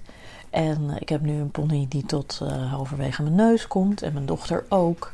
En eh, het was toch leuk geweest als ik een handig setje had gehad om dat even te knippen. Ehm, ja, meteen Dat een was, praktische eh, tip. De tweede Oh. reden dat ik belde, dus Oh, om de vraag van Pauline te beantwoorden. Maar de derde reden eigenlijk was Eh, eh, dat ik al een tijdje nadacht over een vraag die jullie eh, hiervoor meermaals hebben gesteld. Namelijk, waar gaat deze podcast over? En dat dan als jullie ergens komen... Wow, nee. Gaat ze een antwoord geven? eh, dan vaak de vraag krijgt van ja, waar gaat de eeuw van de amateur dan over? Ik schrijf mee En hoor. dat jullie dan allemaal hippe taglines ervoor inmiddels hebben. Ja. En toen dacht ik, is het eigenlijk niet de verkeerde vraag? Waar gaat de podcast over? Oh. Is niet een veel betere vraag ehm, voor wie maak je hem? Want volgens mij is wat de eeuw zo goed en zo speciaal Hmm. maakt, is dat jullie een soort groep van luisteraars hebben die ook vaak inbellen en meedoen en meedenken. En die iets in jullie herkennen, iets in jullie podcast herkennen. En volgens mij hebben die mensen dingen met elkaar gemeen. Een zekere kwetsbaarheid en een zekere openheid over alle twijfels en eh, awkwardness en eh, ja, de kleine kleurigheden. En misschien is het daar wel veel meer voor te zoeken. Dat je niet gaat zeggen waar gaat de podcast over, maar voor wie maak je hem. En dat dan iedereen denkt, ah, daar wil ik ook bij horen. Nou, die moeten dan lekker komen luisteren. Nou, ik ben heel benieuwd of jullie dat ook een, eh, of jullie daar iets mee kunnen. En of jullie ook zelf een idee hebben voor wie je eigenlijk deze podcast maakt. Ehm, oh ja, nog geld. één kleine anekdote dan. Hè. Ik ben er toch heel lang aan het kletsen. Ik gaf eh, voor deze coronatijden een lezing in Groningen over wiskunde. En meestal is mijn publiek eh, bij dit soort dingen ehm, ja, wat aan de oude kant. Ehm, dus zo eh, ja, gepensioneerden. Veel grijze haren. En toen waren er ineens bij die lezing ook een paar vrij jonge, best wel knappe mensen. Eh, en eh, toen dacht ik, wow, wat cool, weet je. Ik heb ineens jonge fans. Ik voel en toen, aankomen. na afloop kwamen ze naar me toe en zeiden, ja, we horen je wel eens bij de eeuw. En die waren dus alleen gekomen omdat Halleluja. luisteren. Dus dank je wel, omdat ik af en toe bij de eeuw te gast moet zijn, komen er nu ook af en toe soms jonge en knappe mensen naar mijn lezing. Dus dat is in ieder geval Alsof een deel oude van de mensen niet knap waarvoor jullie zouden het maken. Nou, ik wens jullie allemaal heel veel goeds. En eh, tot gauw, hoop ik, in het echt. Tot gauw, Jonica. Jonica Tot gauw. Smeets, Dankjewel. Dankjewel. Ja, oh, mooi. Ja, eh, nee, ja, ik, ik roep dat al jaren, dat onze luisteraars heel, heel knap eh, en slim zijn ook. Ehm eh, eh, Paulien, je sloeg even aan op het eh, zelf ja, haar knippen. zelf knippen. Ja, want ik sprak vandaag iemand die had, zat er ook mee. En het schijnt dat er op TikTok heel veel zelf haarkniptips worden gegeven, maar die worden ook neergezet op YouTube. Dus daar kun je op. Dus die, die vrouw die zei van ja, je moet dan een, een kam in je pony doen en de kam twee keer omkeren en dan knippen en dan valt het. Nou, weet ik veel. Er zijn dus technieken. Ehm, eh, en die zijn te vinden. Dus ze moet eventjes zoeken op het internet. Oh, Vanuit Tok- TikTok naar YouTube. Dus dit is wat ik ervan begrepen heb. TikTok naar YouTube. Nou, het is dus een ding op TikTok. Maar als je niet op TikTok zit, kan je het ook gewoon opzoeken op YouTube. Ja. Ehm, Mag ik hier ook nog iets over zeggen? Oh, Vinden jullie ja. dat ik, ik had bedacht van, omdat mijn haar dus ook de, de pan uitrijst. ja, je hebt het echt weer Eh, over je neus hangen onderhand. Dat is echt dacht ik van, ehm, ik scheer het af. ja. Maar toen kreeg ik ruzie met Nico. Ja. Nee. Maar ik dacht, dat kan toch wel even voor die tijd? Nee, Tuurlijk joh. kan dat. Het is Nee. toch een soort, dat doen mensen op vakantie toch ook? Precies. Laat je baard staan en scheer je haar af. En dan kijken. Ja. Maar ja, goed. het- Ja. Ik bedoel, Nico heeft, heeft daar wel een stem in, ja, vind ik. hij moet er naar kijken. ja, en hij moet het ook doen, want ik weet niet hoe dat moet zelf met zo'n ding. Ja, dat is kansloos dan. Maar, waar, waar, maar Ipe, Ja. niet, niet om nou... eh, om het te bemoeien met je haargroei, maar, ik- maar zo lang is het nou toch ook weer niet? Nee, maar het is gewoon zo onverzorgd. En dat vind ik dan zo... Nou, sorry, Zo, dat, dat punt ben jij nog dan zie niet ik er liever nog een beetje hoor. Ik bedoel, bij mij Nee, het- ja, dit is een andere vorm van on- onverzorgdheid. Maar als het kort, juist als het kort is, is het juist snel minder... Ja, dat is weet je, waar. dan is het niet, niet scherp. Niet, Het heeft dat- niet dat je ne sais quoi... wat we van jouw Ja. kapsel gewend zijn. Dat is waar. Er zit geen pizzazz meer in. Er is geen pizzazz. niets. Dat je- woord- je haar dat komt, woord zocht ik. Het is echt je zo haar van... komt de kamer niet meer binnen. Het, het, Nee, het kon, is geen presence. Het, het is gewoon... Het is een vacuüm. Ja, het is een beetje alsof ik al een maand ziek in bed lig. Zo, zo ziet mijn haar er nu uit. Nou, En als ik nog heel lang wacht, dan wordt het meer, komt het meer in jouw buurt. En dan wordt het zo langer en langer. En dan denk je van, oh, is haar inderdaad goed leuk of zo. Hè? Het, het Ja. valt nu. eh, Maar dan krijg je het ja. probleem aan de achterkant. Want dat gaat er dan heel stom uitzien. Oh ja. met, met langer kort haar. Dan moet, er moet natuurlijk ook ergens... Eigenlijk de hele point van haarknippen is natuurlijk dat je ergens laat zien... dat er verzorging heeft plaatsgevonden. Ja. Dit is volgens mij ook de reden dat mensen of lang haar of een baard mogen... en niet alle twee. Ja, inderdaad. Behalve George Harrison. Maar eh, nee, Maar die is dood. ja, die is dood, daarom. Dus die maar ga ik ook verder niet. ik dacht dus van, nou ja, even lekker eraf. En dan is er, heeft verzorging plaatsgevonden. En dat is ook op die manier goed bij te houden. En tot in betere tijden. Maar goed. Ja, maar ik ga dan, dan toch even anders voor je insteken, als je het niet Ja. erg vindt. Namelijk dat jullie ook eventjes op YouTube gaan kijken wat er allemaal mogelijk is. En dat Nico dan daar ook enige creativiteit en eigen inbreng... Want dat maakt dan ook niet uit. Zeg tegen hem, jij mag het doen, op jouw wijze. En over een maand, als je weer naar buiten mag nou, of gezien zo... hun huidige verstandhouding is dat misschien niet de beste Nee, oplossing. juist wel goed. Je moet juist meer vertrouwen in elkaar schenken. Ja. Mooi. Ja, ja. Ja. Tot zover het bericht van Jonica. Nee, want ik had nog iets. ja, nee. Eh, over de, de kwestie van dat de, dat de vraag niet moet zijn... Wat, waar gaat deze podcast over, maar voor wie is deze podcast? Deed me heel erg denken aan de actie Tomaat. Ehm, in de jaren zestig is er, heeft er een soort hervorming van het Nederlands theater plaatsgevonden.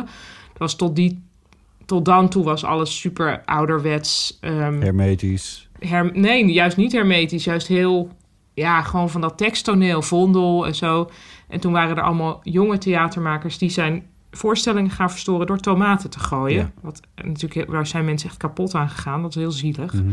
Maar ze wilden daar wel iets nieuws mee bewerkstelligen. En toen was het volgens mij Harry Mulisch, die op een gegeven moment ook is opgestaan tijdens een of andere heel lange discussie hierover. En die ook zei: de vraag is niet ehm, wat voor theater maken we, maar voor wie maken wij theater? Dus dat was ook ineens heel belangrijk toen. En ik ben daar altijd een beetje ambivalent over. Of, Ja, ja, of je nou moet gaan. Ik snap, wel, ik snap enerzijds heel goed wat Jonica bedoelt. Van ja. er zal wel een soort community zijn van like-minded people. Maar ja, dat is ook een beetje een tautologie van de eeuw van de amateur is voor, voor wie het is. ja. Snap je? Nou, je hoeft er misschien niet op die manier zo over na te denken. Maar als iemand het op een, een of andere s- gelegenheid vraagt en wij Ja. staan met onze mond vol tanden, dan zou dit wel een goede omweg kunnen zijn om toch er iets over te zeggen zonder. Dus stel dat we een soort definitie zouden hebben. Dus bijvoorbeeld van mensen schuwen, ja, mensen overgevoelige klungelige, ZZP'ers, twijfelende. twijfelende. Eh, Die- daar is het voor. Leuk Die hè? in- Wat bij- een die bij, elevator eh, pitch. bij aanwezigheid op een lezing waar doorgaans vooral oudere mensen komen in positieve zin en uiterlijk opvallen. ja, dat zouden we dan kunnen zeggen. Ja. Ja. Oké. Nou ja, Nou ja, Ja. zoiets. Nou, ik, ik Nou ja, ga er nog zo over kijk- nadenken. Ik vind het idee van de vraag... eh, de vraag de vraag soort- herstellen vind ja, ik is leuk. goed. Ja. Ehm, en ik snap ook dat Jonica hiermee komt. Ook omdat natuurlijk haar vakgebied is de communicatie van dingen die moeilijk zijn. Toch? Mhm, Zij klopt. is toch hoogleraar in de wetenschapscommunicatie? Ja, Wetenschap hoeft niet moeilijk te zijn, hè? Nee, Nou grapje. ja, Nee, maar ja, dus ja, zij- nee, nee, ja, ja. Dus zij moet iets doen wat ja. heel Zij, moeilijk moet, zij, is. zij is de hele dag het onmogelijk aan het uitleggen. Dus dan kan dit er ook nog wel bij. Ja. Ja. Terwijl ik meer vanuit kunsthoek bekijk, dat ik natuurlijk niet een, bijvoorbeeld een voorstelling zou gaan maken eh, op grond van wat ik denk dat de mensen in de zaal zouden willen zien. Ja. Nee. Ja. Maar dat zegt ze do- toch ook niet, hè? Van dat we dat moeten Nee. Nee, nee, maar gaan doen. het zijn, wel, het zijn wel op zich twee tegenpolen, toch? Van nadenken over, van maak je iets wat je maakt en je kijkt wel wat het publiek... Nou ja, het hoeft elkaar niet uit te sluiten, maar er zit een zekere polariteit in. Ja, klopt. Ja, Ehm, ik. ik. Ik, ik, vind hem, ik vind het ook wel interessant. Eh, ik wil het hier niet te lang over hebben trouwens. Oh, Nee. We hebben het er al heel lang Ja, over. ik heb eigenlijk al veel te lang Nou, weet je wat ik eigenlijk al die tijd vind? Dat elke keer als je dus stuntelt met dat antwoord... dan vind ik dat dus eigenlijk niet erg. Want je hebt dan sommige mensen die kijken dan... een soort met grote ogen, zo van, eigenlijk geïnteresseerd en fijn. Zo Ja. van... Oh, hey, dus hij weet het zelf niet helemaal interessant of zo. Wat zou dat dan zijn? En sommige mensen die zonen helemaal uit en die denken zo van... Oké, Ja, oh, ik gaat niet een elevator auto's. pitch. ja. Ja. En die vallen dan af of haken dan af. En dat is eigenlijk ook weer zo ramp niet. Dus het is in die zin eigenlijk ook wel heel goed dat we niet weten waar. Oh, oh god, we hebben het er heel lang over dat, waar we het over hebben. Ja. Goed. Ik realiseer het me nu pas. Oké, Botte, ga maar door met Ja, iets. we hebben nog een aantal berichtjes. Hier ben ik iets minder van op de hoogte wat er precies eh, is. Maar eh, laten we ons daar niet door laten hinderen. Eh, laten we even luisteren naar Rob. Dag Botte, Ipe en eventuele gast. Met op. Eh, allereerst bedankt voor de podcast. Ik ben eh, vaste luisteraar en nu ik in tijden van corona alleen woon, is het heel fijn dat jullie af en toe, bij wijze van spreken, aan mijn keukentafel op ontvangen. Ik heb een vraag om een relatie de coronapandemie te laten overleven. Eh, sinds een maand of twee heb ik een leuk vriendinnetje uit Antwerpen. Maar het lijkt erop dat we elkaar mogelijk door de maatregelen twee of ma- drie maanden niet kunnen zien. Eh, de eerste week zijn we doorgekomen met videobellen en als samen avondeten, eh tegelijkertijd dezelfde film kijken. Een eh, tussen kunst en quarantaine challenge, waarbij we bekende kunstwer- kunstwerken naspelen in een foto hem even en een spelletje op de app House Party. Dat was leuk voor een weekje, maar we hebben dit nog eh, twee of drie maanden vol te houden. Ehm, overigens ben ik niet bang dat een van ons in de tussentijd iemand anders leuk leert kennen. Want ja, hoe dan? Eh, maar het lijkt me wel fijn om deze week zo prettig mogelijk door te komen. Ondanks dat alles digitaal zou moeten plaatsvinden. Ehm, ik hoor graag de tips. Alvast bedankt. En een hele fijne uitzending. Groetjes. Eh, dankjewel Rob. Ipe, wat zei je nou? Stuur hem even in, die kunst en quarantaine, wat ze dan hebben gemaakt. Ja, ik wil ook wel zien hoe ze dan kunst hebben uitgebeeld. Ja, Zo van de denker van Rodin Ja. en zo. ja dat is een heel meme ding, hè, ook. Oh, dat weet ik helemaal niet. Ja, Hij mag Eh, het, moet je eh, maar even zoeken, dat is wel leuk. Maar eh, dat, dat vind ik deze, ben ik wel benieuwd naar. mag Dat het doen- maken mensen met huishoudelijke apparaten en zo doen ze schilderijen na. Oh, zo. ik heb dat wel voorbij zien komen. Ja. Maar toen dacht ik weer, ja, daar heb ik natuurlijk geen tijd voor. Maar ja, als je er wel tijd voor hebt, is het super, super leuk. Ja. ja. Eh, Chemsex? Ik neem aan dat ze dat al doen. Ja, dat noemde die Dat was niet. toch videobellen, neem ik aan. Oh, ik, voelde daar heel veel, heel veel Ah. aanhalingstekens omheen. Ja. Nou, verder eh, praten we heel veel met elkaar. ik denk dat tussen kunst en quarantaine... of dat dat misschien ook iets heel anders is. Maar goed. Ik denk dat ze het al aardig onder de knie hebben. Ik bedoel, volgens mij doet hij het eh, helemaal niet zo slecht. Ja, maar hij mist haar natuurlijk enorm. Dat is wat ik hoor. Van, Ja. Ja, nou, maar zij maken daar toch het beste van. Het klinkt, het klinkt fantastisch, eerlijk gezegd. Dit moet je gewoon zo volhouden. kijk, ja, en ga er maar vanuit dat het af en toe kut is. Ja, en af en toe, dat is trouwens wel leuk. Wij hebben, het, was trouwens Nico's idee, gisteren wat kaartjes verstuurd aan mensen en zo. Dat is misschien wel eens leuk. Wissel het eens af met een mooie handgeschreven brief. Dat is leuk, ja. Ik Goed. heb, eh, jij hebt er meer ervaring mee volgens mij, Ipe, dan ik. Maar ik ben wel eens zes weken in San Francisco geweest. En toen had Chris mij elke week een voor elke week een brief meegegeven Oh, of gestuurd. Met een soort opdrachtje erin. Van iets wat Oh ik ja. Kon gaan doen. Dat was heel leuk. Ja. dit was andere tijden. Terug naar de onze. Ehm, Inderdaad, tien nee, jaar maar dat, geleden. dat is superleuk. Want je kan een heel apart kanaal openen, eigenlijk, o- eh, eh, hè, met post. Dus dan stuur je elkaar Ja. een brief van... hey, doe nou, ja, doe dit of dat. En dat is dan een andere pacing, hoe noem je dat? Timing. Dus dat, dat, is wel, dat is wel heel... eh, dat is misschien wel een goeie. Misschien niet alleen, alleen voor Rob, maar ook voor Ja. de mensheid. Zeg maar gerust de mensheid. ja, en dan flink likken aan de, aan de postzegel. Flink likken ook aan de, aan de, aan de brief en zo. Ja. Zou je niet nu nog trouwens stiekem toch bij elkaar kunnen gaan zitten? Het, daar wou, ik- dat wou ik zeggen. Van, de- Er misschien... zijn echt roadblocks hè, tussen Nederland en België. Eh, oh ja, je komt er helemaal niet meer in, bedoel je? Daar had ik nog Nee, even niet aan Ze gedacht. zitten in Antwerpen. Hoorde ik, geloof ik. Dan kan zij misschien naar Nederland komen. Ja, goed, misschien heeft ze daar ook werk. Ja, Ik moet geloof ik op een gegeven moment voor de Belgische tv verschijnen. Of gaat dat dan ook niet door? dat weet ik niet. Maar Als ik zou dit boek trouwens sowieso afraden. Ja, ze kennen elkaar nog maar net. En om nou, ik denk dat die relatie veel meer op de lange termijn Oh, kans geslagen heeft. Goed. Als ze Nou. op een gezellige manier creatief oplossen. Tot ze elkaar dan eindelijk weer in de armen vallen. Dan dat ze nu. Slinkse wijze proberen om ergens Ja, bij Baarle. Hertog te proberen om de grens over te komen.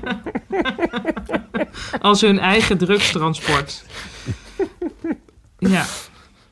Een keer tegelijk gaan blowen, dat kan ook. Dat is ook wel een goeie. Nee, ja. Nee, echt. Nee, ik- jij geeft gewoon goede praktijkvoorbeelden. Vind ik heel goed. Ja. Toch? Ja, Ja. absoluut. Ja. Oké, als er nog eh, luisteraars zijn die tips hebben voor Rob, dan zijn die natuurlijk ook welkom. Zullen we nog even luisteren naar eh Filip? Hallo, Botte, Hmm. Ipe en nog een eventuele gast. Eh, ik ben Filipos en ik had nog een bericht over eh, awkwardness bij videocalling. Oh ja. Eh, ik werk namelijk als studentassistent bij de TU Delft. En daar zijn we overgestapt op eh, ass- assisteren met videocalling. En ik vind het altijd zo ongemakkelijk eh, als ik eh, een student moet bellen of ik nou mijn eh, webcam aan moet zetten of niet. Hebben jullie dat ook soms? Oh. Ja, dus hij is studentassistent en hij overlegt dan met studenten, maar zet, hij, zet je bij het bellen je camera aan? Nee. Tenzij er expliciet is afgesproken dat je gaat videobellen. Jawel hè?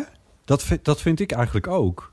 Ik zou echt absoluut geen behoefte hebben aan iemand die ongevraagd gaat videobellen met mij. Ik heb een vriend die dat re- eh, eh, regelmatig doet. Eh, die mij dan belt en Je- dan videobellen. je Ongevraagd. noemt hem dat nog is- wel vriend. Ja, dat is Dat is wel heel intrusief, is dat toch? Onnodig intrusief.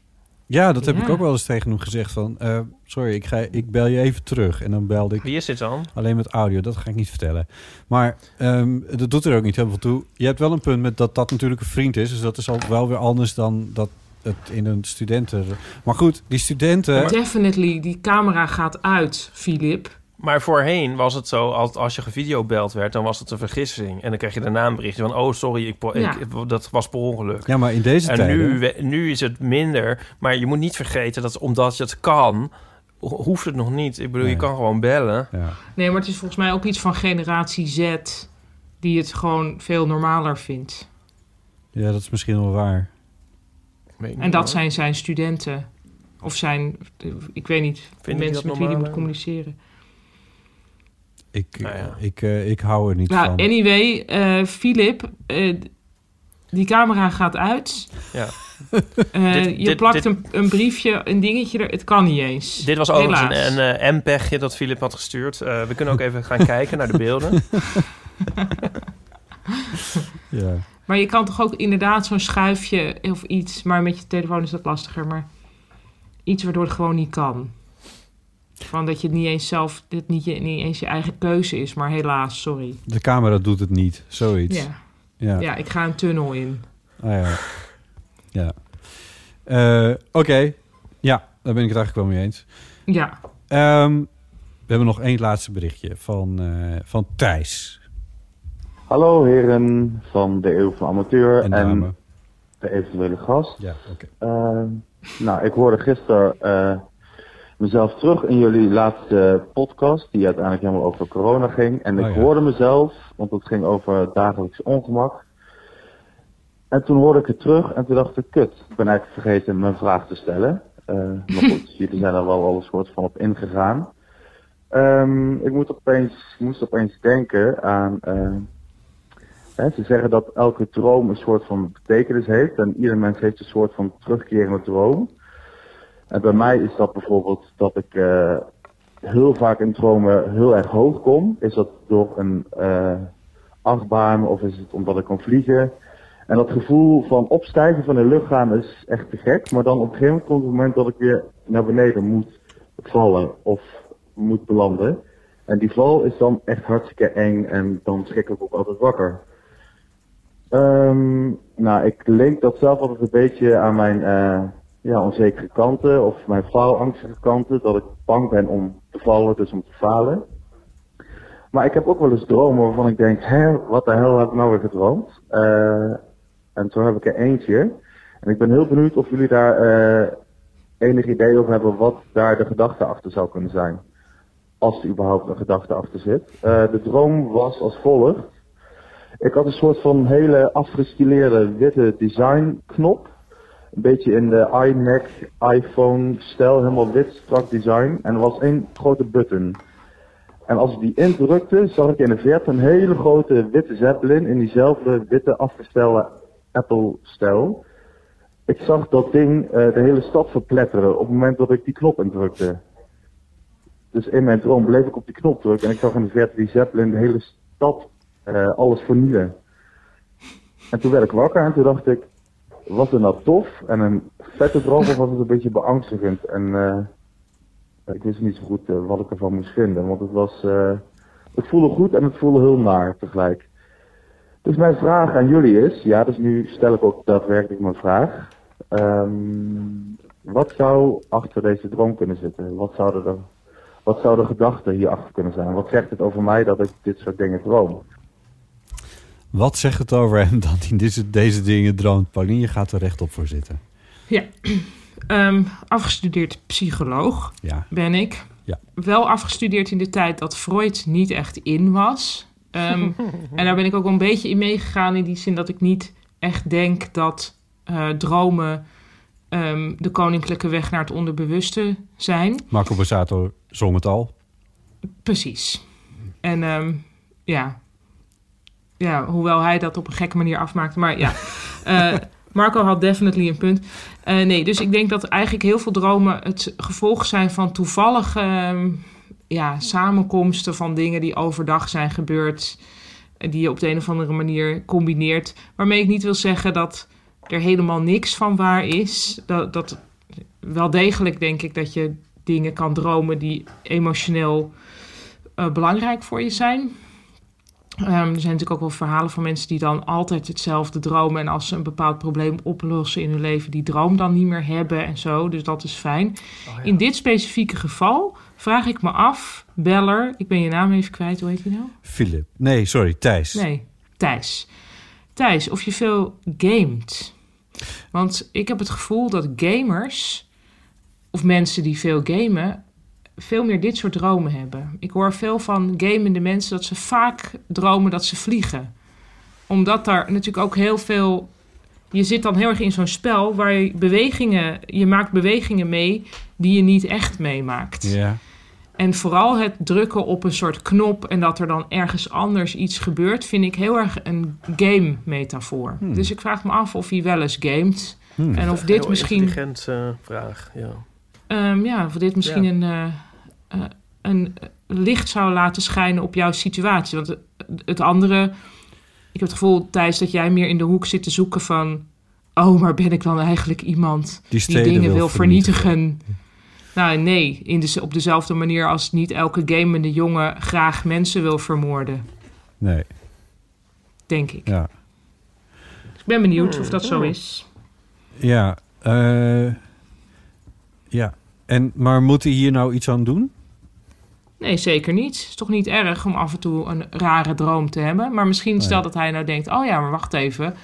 Eh, ik heb heel veel... Ik weet, ik, ik game zelf niet, dus ik weet het niet. Maar oh, wat grappig. Dat heb ik ook in... eh, nou, noem eens iets. Final Fantasy. Oh ja, dat is natuurlijk ook... Of weet ik... Ik weet dus niet. Ik kan niet eens normaal iets noemen. Nou ja, je wordt toch... Hoe heet het met... ehm, Grand Theft Fort- Auto. Ja, maar goed, met bijvoorbeeld Fortnite word je toch ook vanuit, vanuit de hoogte gedropt op een eiland of op een wereld of weet ik veel. Ik weet niet eens. Zou kunnen. weet Jullie weten ook niet, Nee. of wel? Nee, maar ik vind de, de link, ik, ik, ik zie het helemaal. Ik vind het heel slim. Ja. Nou, wie weet eh, is dit het gewoon Ja. thuis. Ja. En dan zeg ik, droom lekker door. Maar lees En- ook eens een goed boek.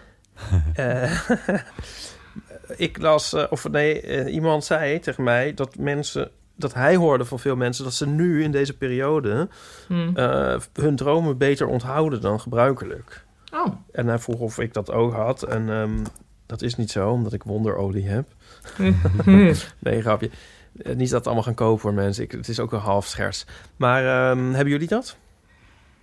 Ehm, Nee. nou, nee, misschien ietsje meer, maar volgens mij heeft dat dan te maken met dat er minder haast is bij het opstaan.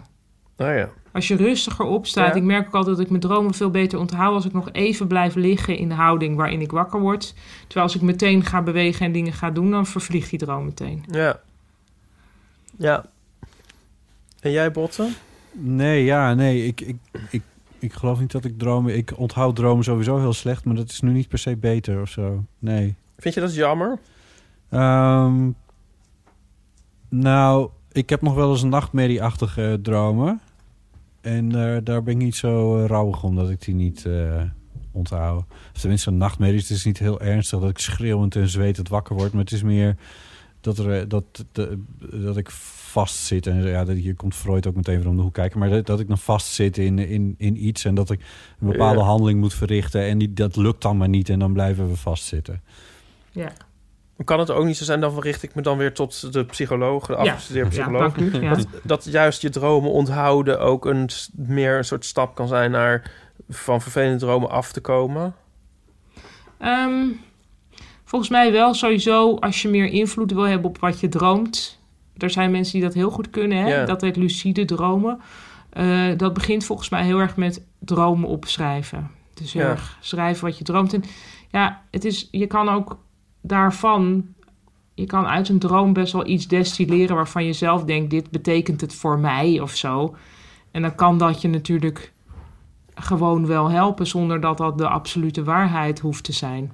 Ja, Ehm, maar hoe meer je, als je er meer vat op wil hebben of het meer wil beïnvloeden, dan moet je volgens mij inderdaad dus heel erg eh, beginnen met dat opschrijven en vervolgens, ehm, als je dat, als je dus heel bewust wordt van je dromen, de volgende stap kan dan zijn dat je voordat je gaat slapen heel erg bewust gaat zeggen: dit en dit wil ik dromen. ja. Het is wel altijd nog Ja. een soort, eh, soort van. ehm, nou, ik kom, er- ik kom er voor mijn gevoel nooit aan toe. Maar het lijkt me wel leuk, omdat ik dus vaker zou willen dromen dat ik vlieg. Want dat Ja. heb ik maar heel af en toe gehad. En dat vond ik wel heel leuk. ja. En, en heb je dat geprobeerd? Nee, want ik, ik eh, heb er niet, eh, nu niet de aandacht of de tijd voor of zo. Maar misschien ja. komt dat ooit nog Ja. eens. Ik ben nu al blij als ik gewoon in slaap val. En that's it. Oh, ja. weet je. Maar misschien is het wel leuk, Botten, voor jou of leuk. Maar het is misschien wel eens een keer interessant om te kijken of je die dromen wel wat meer kan eh, even vasthouden en kijken wat dat oplevert of zo. Daar zou ik dan wel benieuwd naar zijn ook. Naar mijn dromen? Ja. Of, en of dat wat dat jou wat dat kan, De angst in kan brengen ogen. of zo. Nee, zo, wat, wat moet je daar in vredesnaam nee, of dat een effect Nou ja, heeft je of, bent of nu dat je ook dan een- iets je bent- leert... eh, Maar je bent ook een coronadagboek aan het schrijven en dat aan het sharen op Instagram Ja. eh for all to see. Dus ja, misschien mag er af en toe eens een droom bij. Oh ja. Van ik droomde vannacht nu dat ik weer op de boerderij was. Ja, ja. Maar nu Ik is het een beetje zo van, nee, die dromen, dat, doen we, dat, dat, dat, dat telt niet of zo. En het is misschien wel interessant. Maar dromen tellen wel, bedoel je? Ja. Ja. Ik eh, ga kijken wat ik voor jullie kan doen. Oké. Nou, leuk. Leuk. Maar had die Thijs nou al eerder gebeld, zei hij dat nou? Ja, ja, ja, maar ik, eh, me, me- ik, eh, ik, ja, mijn administratie schiet hier even tekort. Maar dat, Oh, dat, ja, nee, dat staat maakt in, niet uit. dat was een paar afleveringen geleden. Oh, ja. Oh, mag ik trouwens nog even tussendoor een onwijze eh, cultuurtip weer geven? ja, natuurlijk mag dat. Wacht even. Twee tellen? Ja. Cultuur. ja, een heel haalbare cultuurtip natuurlijk, want niemand hoeft er een kaartje voor te kopen. En je kan het gewoon thuis doen. Een Netflix-tip. Oh, ja. Ehm, eh, heel erg niet corona, ook heel erg niet zesdelig. Ehm, het is namelijk een anderhalf uur durende documentaire over een mislukte theaterproductie van Steven Sondheim. Oh, leuk. Eh, uit 1981. Super, de- tenminste, de, de film is veel recenter. Van de maar altijd die vrolijke productie- Steven Sondheim. Nou, maar die man is fantastisch. Oké. Zo, ja, heel erg leuke, bijzondere gast. Weet je wie er ook wel eens een liedje heeft opgenomen van Steven Sondheim? Ipe Driessen? De... Oh. Dead Choice. Echt waar? Wat tof. Ze hebben een ehm, liedje van Steven Sondheim, ehm, Losing My Mind. Ja. Eh, hebben ze voor eh, Liza Minnelli geproduceerd. Mhm. Die heeft daar, ik geloof, haar enige echte hit, hitsingle in de betekenis van het woord meegehaald of zo. In de top 10 in Engeland meegekomen. En ehm, eh, ze hebben zelf een demootje, dat hebben ze later als B-kantje uitgebracht. Cool. Dus van de, hun eigen versie Ja. van Losing My Mind. Ja. Maar hoezo, Botte, ben jij zo van... eh, vind jij hem super depressief of deprimerend? Misschien verwar ik hem met iemand anders, maar ik meen dat ik een keer een heel deprimerend stuk van. Anyway, hoe heet die documentaire? Nee, Steven Sondheim is een, eh, een musicalmaker. Een Oh, componist. ja, nee, dan- En, hij, ja. en samen met de, de regisseur Hal Prince maakte hij allemaal, zeg maar, en independent en heel erg vernieuwende eh, musicals. Ja, Funny. Thing Happened on the Way to the Forum. Allemaal, ehm, nou, gewoon enorme Broadway classics inmiddels. Maar die heeft toen op een gegeven moment dus ook een productie gemaakt met jongeren. Waaronder de jonge Jason Alexander, die later George speelt in Hmm. Seinfeld. Ehm, die zit daar allemaal in. En die had dus met die jongeren een productie gemaakt. En die is helemaal geflopt. In de En jaren nu is 80. er- ja, in 1981. Er is ook beeldmateriaal van toen.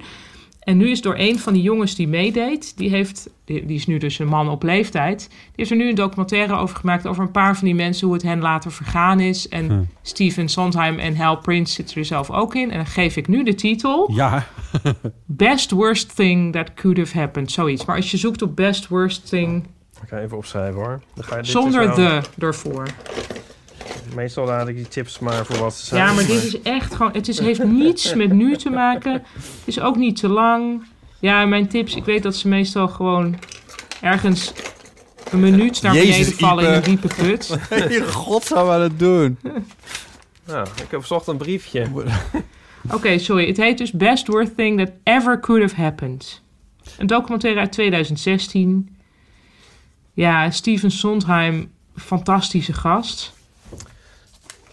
Eh, ik heb trouwens met heel veel plezier naar Cheer gekeken, eh Paulien. Ja, dat was hoe het- tof was dat? De cultuurtip Ja. van de vorige keer op Netflix. Ja, wat goed dat je dat echt hebt gedaan. Ook helemaal niet over corona gaat.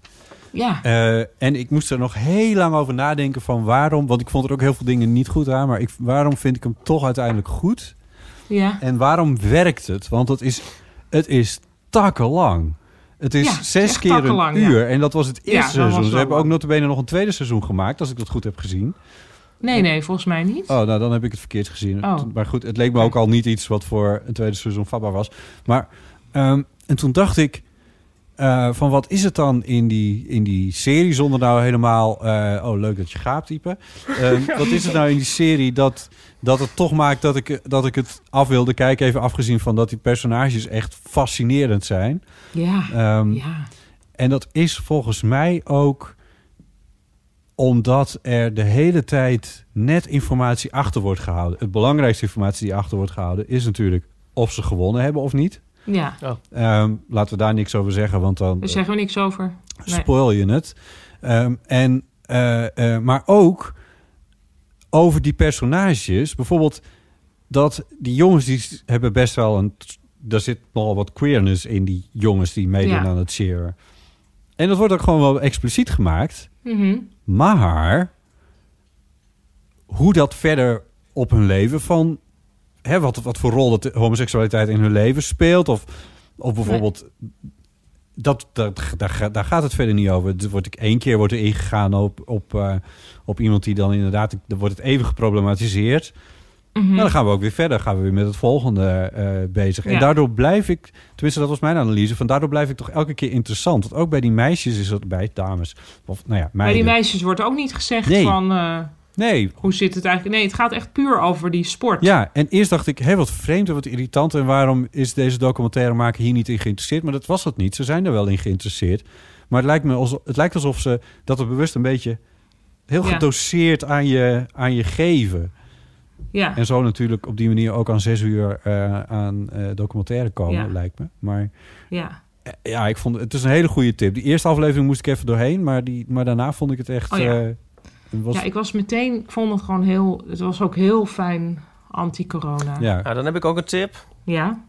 Johnny English 3. Oh, ja? Drie? Echt?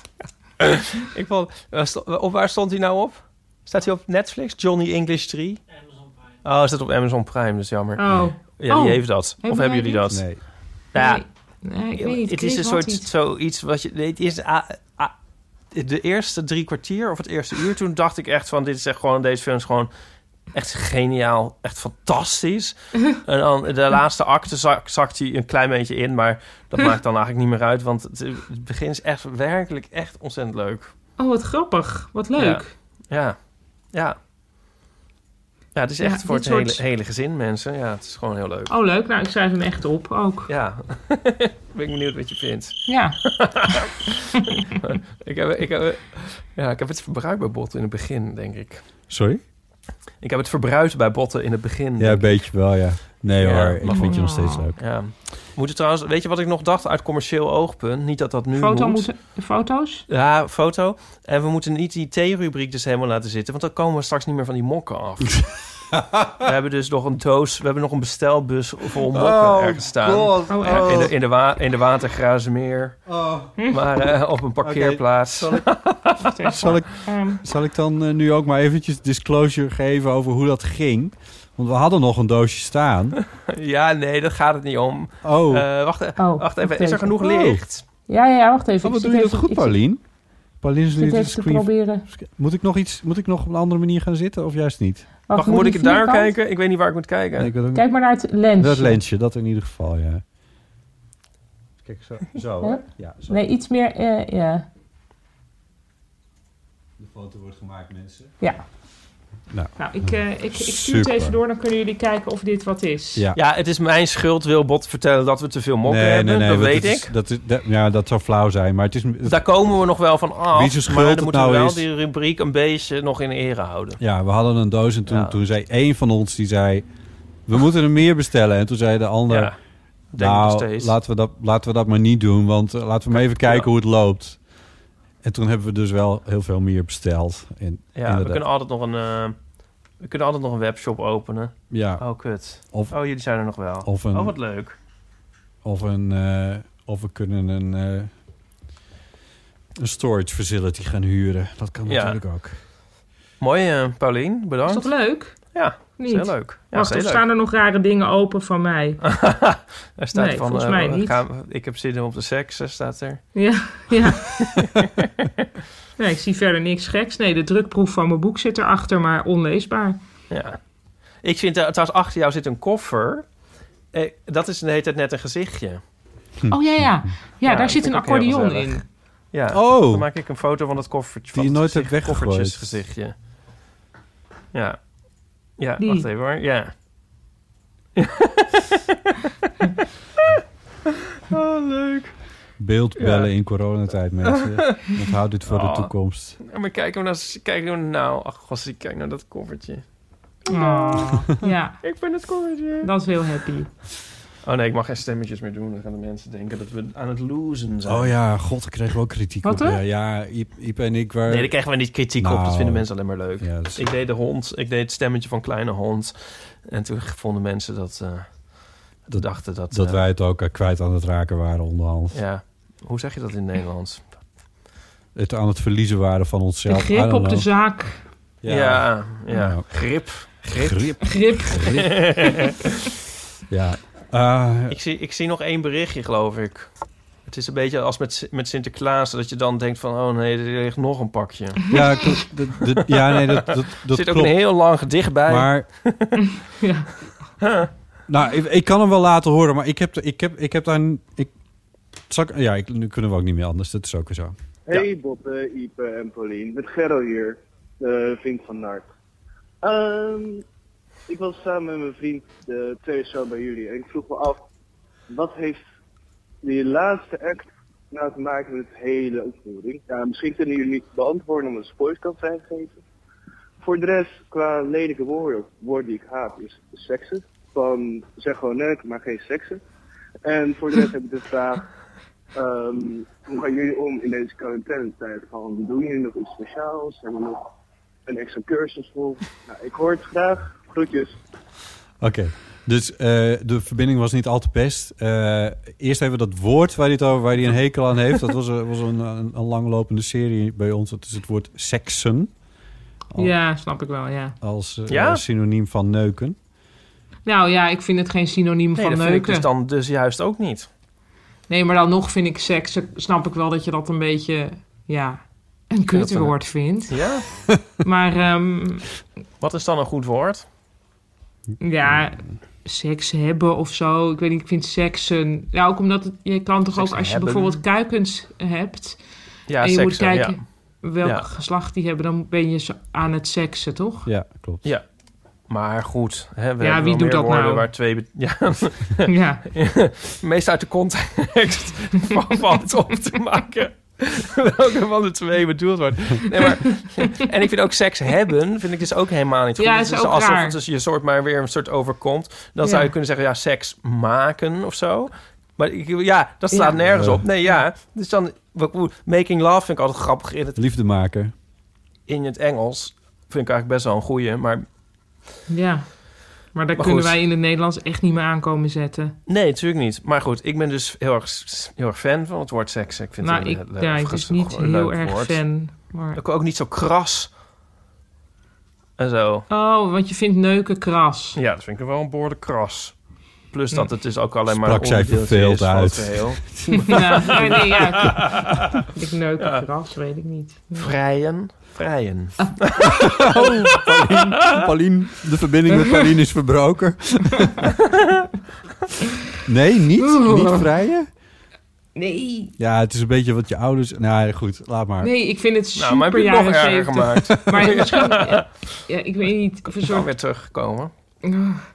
Nee, ik, vond het, ik had hetzelfde, maar ik, ben, ik ben, sta er minder afwijzend tegenover. Inmiddels. Ja. Ja. Oké. Ja, het is maar net wie het zegt en op welk moment, denk ik. Ja, maar goed. dat is ook wel een beetje Ja. zo. Dan was er nog iets over de laatste act eh, in onze show.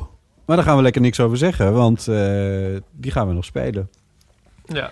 Ehm, en dan En die, de allerlaatste vraag die sloeg eigenlijk ja, met uw welnemen nergens op. Want daar hebben we het dus de hele tijd al over. vier afleveringen lang. Ja. ja. Ja. Ehm, nou, dat waren de berichtjes.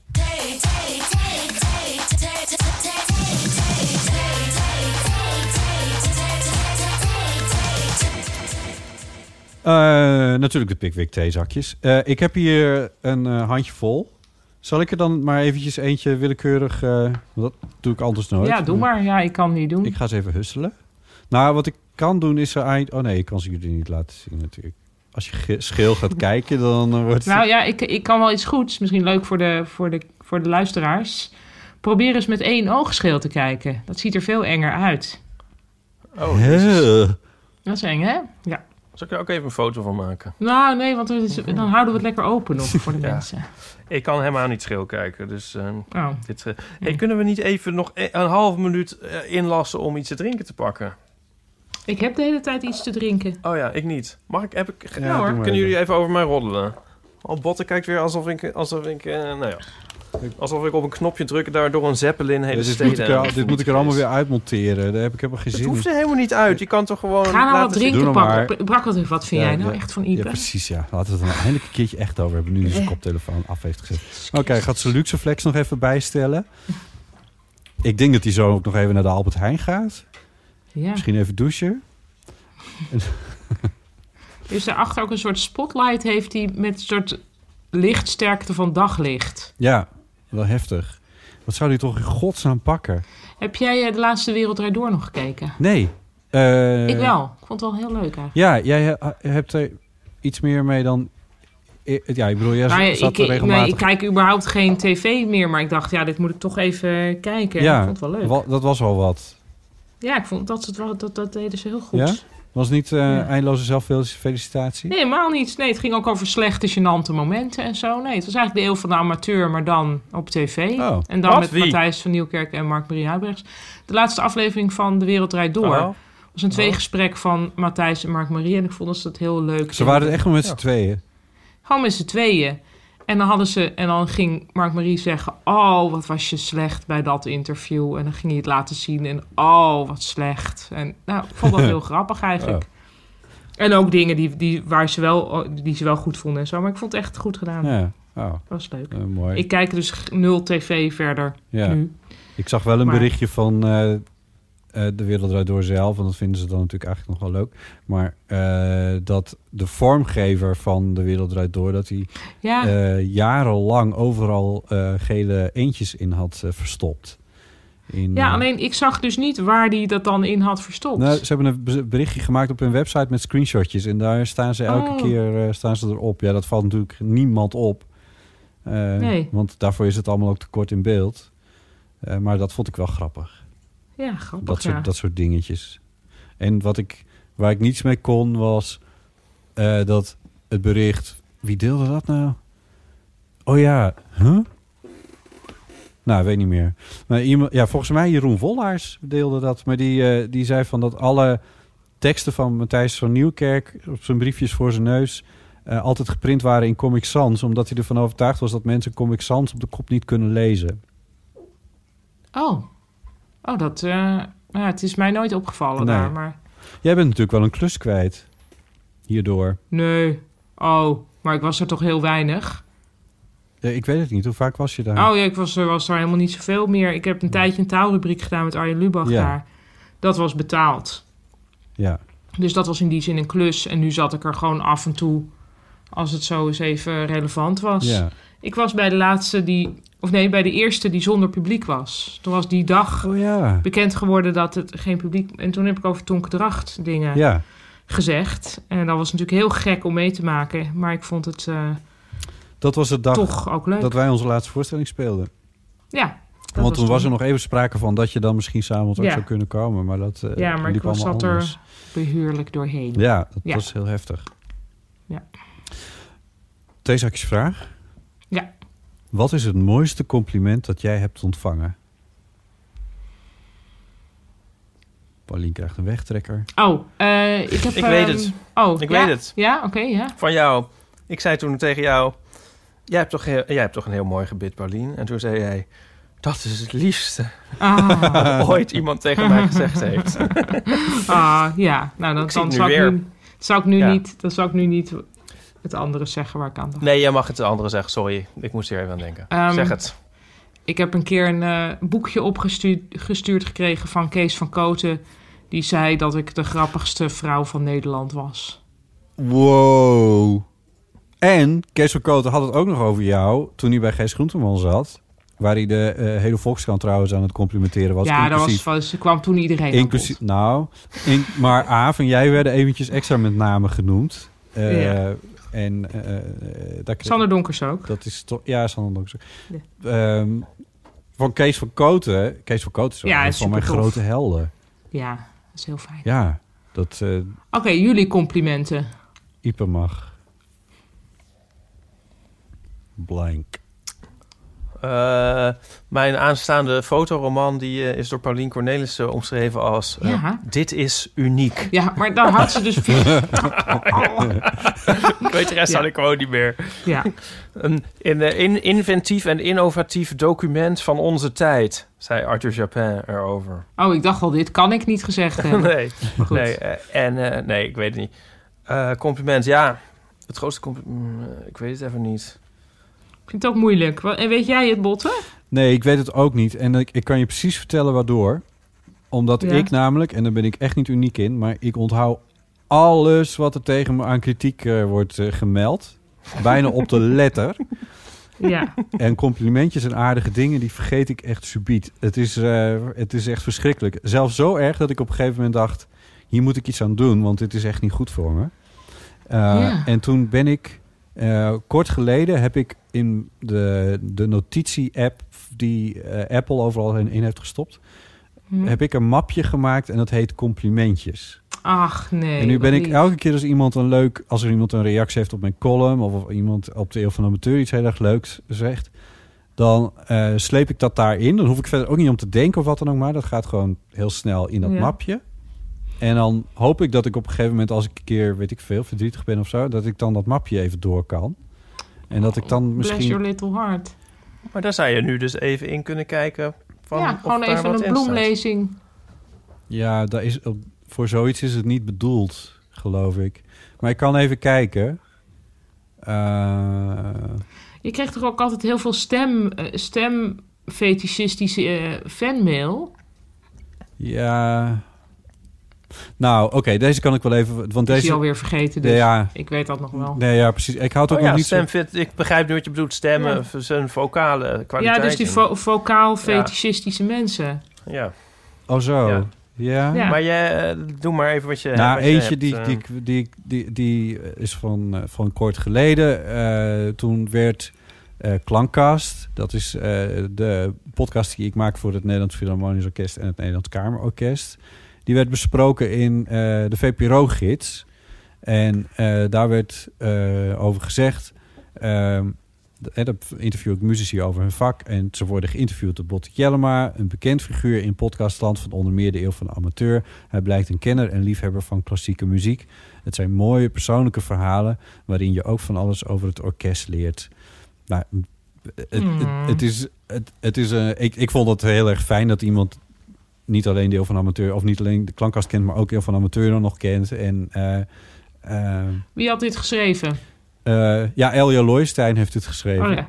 Ehm, en, ehm, Die heeft zelf ook een podcast. die heeft zelf ook een podcast. eh, en ehm, ik, het, hè, dat ik dan kenner en liefhebber van klassieke muziek ben, dat laat ik me dan maar even aanleunen. Want ik, ik geloof niet per se dat ik een enorme kenner ben. Maar ehm, eh, ik, eh, ja, ik weet niet, I don't know. Ik, dit is ook gewoon ingewikkeld om over te praten. Maar ik vind het, Ja, dit, dat soort dingen bewaar ik dan leuk. dus. Dat stop ik, da- dat stop ik dan toch maar in zo'n mapje. Zo van, nou ja, dat hebben we dan maar. Dat is heel goed. Er staan zes dingen. Ik had op een gegeven moment een map met dingen die dan... Toen ik zeg maar net soort van bekendheid verwierf... dacht ik, ja, ik moet toch allemaal dingen dan bewaren. Dan had ik een map die heette Leuk om te bewaren. Ja. Maar toen kwamen er ook dingen bij waarvan ik dacht... ja, echt leuk is dit niet. maar ik moet het toch wel bewaren. En toen is de map gaan heten... Leuk tussen haakjes om te bewaren. En de volgende map daarop heette gewoon om te bewaren. Oh. Ja. Oh. Maar jij, jij, jij hebt weinig. ehm, ik bedoel, jij hebt over het algemeen wel goede kritieken en ehm, zo. Nou ja, ja, nou ja Of goed, niet? met elke bekendheid of zo komt natuurlijk ook Ja. eh, kritiek en, Ja. en maar je bent en niet mensen- een soort het hoogtepunt van omstredenheid en eh, love it or hate it en, eh, en dat soort dingen. ehm, Of, of zeg ik het nee, nou? weet ik eigenlijk niet. Nee, maar ik, er zijn natuurlijk genoeg dingen op mij afgekomen, waardoor ik dus mezelf ook niet google, eh, die natuurlijk helemaal niet leuk zijn. Eh, oh. Dus, Nou, ja. Misschien moet ik je dan een keer googlen. Ik, had, ik heb dat niet... Elke eeuw van amateurluisteraar is nu Paulien Cornelis aan het googelen. Oh, dat mogen ze best doen, maar ik heb het dus zelf al tien jaar niet gedaan. Nee, nou volgens mij kan dat wel eigenlijk. Volgens Ja, mij valt het dus allemaal Ja, maar het- wat Botte zegt Ja, ja. is inderdaad natuurlijk wel universeel. Dat er hoeft maar net een, een, een goed geplaatste kutopmerking ergens te staan. En die onthoud je wel. En wat Ja. heb je er dan eigenlijk aan? En dan hoef ik ook niet te lezen wat voor lovende dingen er Nee. allemaal gezegd worden. Want ja, wat heb ik daar eigenlijk aan? Hmm. Ik kan Dit- toch alleen maar dit mijn werk doen. Ja. Ik had laatst dat, ja, ik weet ook alles wat iedereen ooit over een stripje heeft gezegd. Eh, wat me niet zinde, dat weet ik ook nog allemaal verbatim.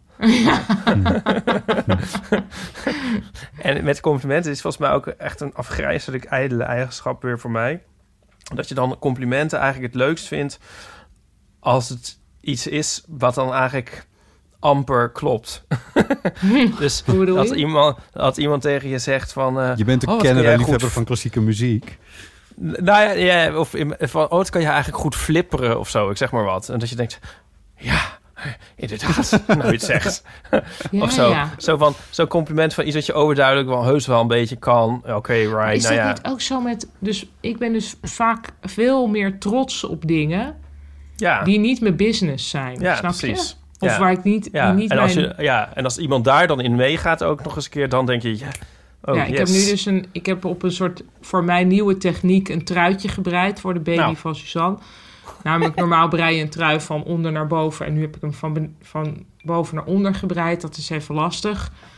En dat is gelukt. Nou, Ja. trots. Ja. Echt wauw. Terwijl Ja. het natuurlijk eigenlijk wel makkelijker is dan bijvoorbeeld een voorstelling maken. Maar Ja, nee, maar ja, soms dat, hè? Ja, dat is raar. Of tenminste, maar ja, als jij het zegt, vind ik het dan wel weer leuk klinken. Bij mezelf denk ik van, Jesus, wat is dat ook weer een vreselijke eigenschap. Maar goed. En er zijn ook van die complimenten die je dus niet, juist niet wil. Van Ja. dingen die je niet meer ging doen. En dan zo, als mijn Ja. moeder dus eindeloos van... Maar je tekent zo leuk. Ja, het is misschien niet echt een compliment, maar... Ja, ja, ja. Weet je wel? En dat Ja. je denkt, ja... eh, Ja. ja, en, je, en, je, en je kan ook zo leuk schrijven. Ja, ja. Ja. Dat je denkt, ja, ja, eh, Ja, zo van ik ben fan van jou en van... En dan een, iemand die je zelf totaal verschrikkelijk vindt. Oh, Oh, trek je hier open, Pauline. Oh, ja. Dat, is, dat vind ik ook altijd. dan- Want dan ben je als van, oh, dat lijkt Ja, dankjewel. Dan oh. ben je vervolgens, oh, oh, ja. Ja, Ja, ja, ook echt een vakman. Ja, Ja. Wij hadden op Instagram podcast tips. eh ehm, hoe heet ze nou? Met heel veel volgers. Ja, en ik luister heel graag naar de eeuw van de amateur en naar man, man, man. ja. nou, ja, en natuurlijk is dat dus eigenlijk super tof. ja. Ja. Ja, want zoals bekend, Man Man Man, de podcast gaat, is, wordt ook gemaakt voor kwetsbare, open en twijfelende mensen met heel veel awkwardness en klungeligheden. En die zich alleen negatieve kritiek herinneren. Ja, ja, precies, ja. Man, man, man met de microfoon, met de microfoon, met de microfoon. Grappig idee voor een podcast. Ik heb Man, Man, Man trouwens nog nooit geluisterd. ik dus ook weet niet. Ik heb nog nooit één seconde. En ik zit het altijd maar af te kraken hier. Dus slaat Oh, nergens oh, op. jongens. Vreselijk. Oh, god, oh. Ik, ik, ik, ik, ik ga in mezelf slaan met iets. ik, ik moet dus luisteren. Ja, maar het slaat toch nergens op ook? Dit is ook echt puur slecht. Ik ja, eigenlijk ja. van mezelf. Ik, Misschien, ik ga me ook ja, eigenlijk misschien is het superleuk. Voorgenomen hartstikke om er nooit iets over te zeggen. Maar goed. Maar is zelfhaat of zo niet toch ook een vorm van arrogantie? Ja. ja. ja. Ja, toch? Ja. Wauw. Ja. Bam. Ja. Bam. Ja. ja. Is dit zelfhaat? Ja. Ik bedoel, dit is misschien ook... Ik bedoel, als, als, als, het, als het mij... hm, Als het ons niks zou kunnen schelen, dat hele man, man, man... dan hadden we het er ook niet over gehad. Dan had je het niet eens gehaat.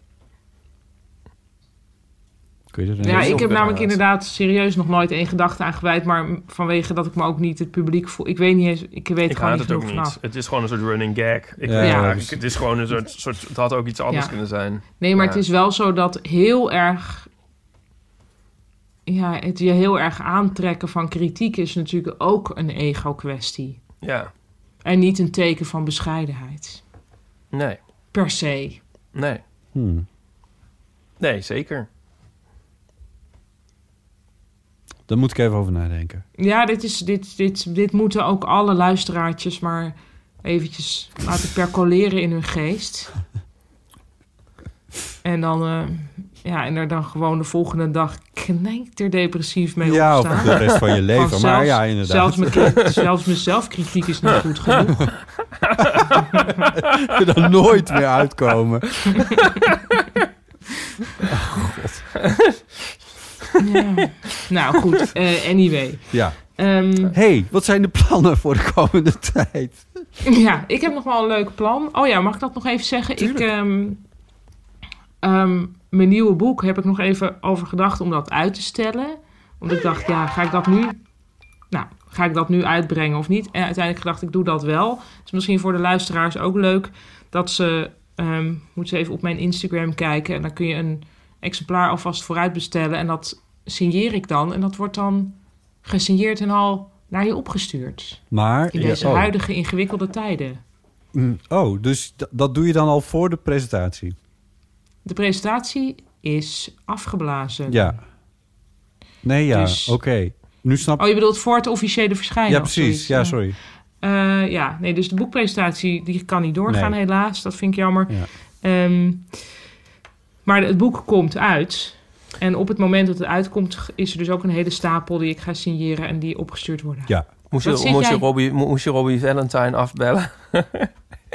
Wie is dat ook? Oh ja, oh ja, nee, ja, nee. Ik heb dus allemaal inderdaad heel leuke mensen die op de presentatie iets zouden doen, moeten afbellen, afzeggen. Kees van Kooten.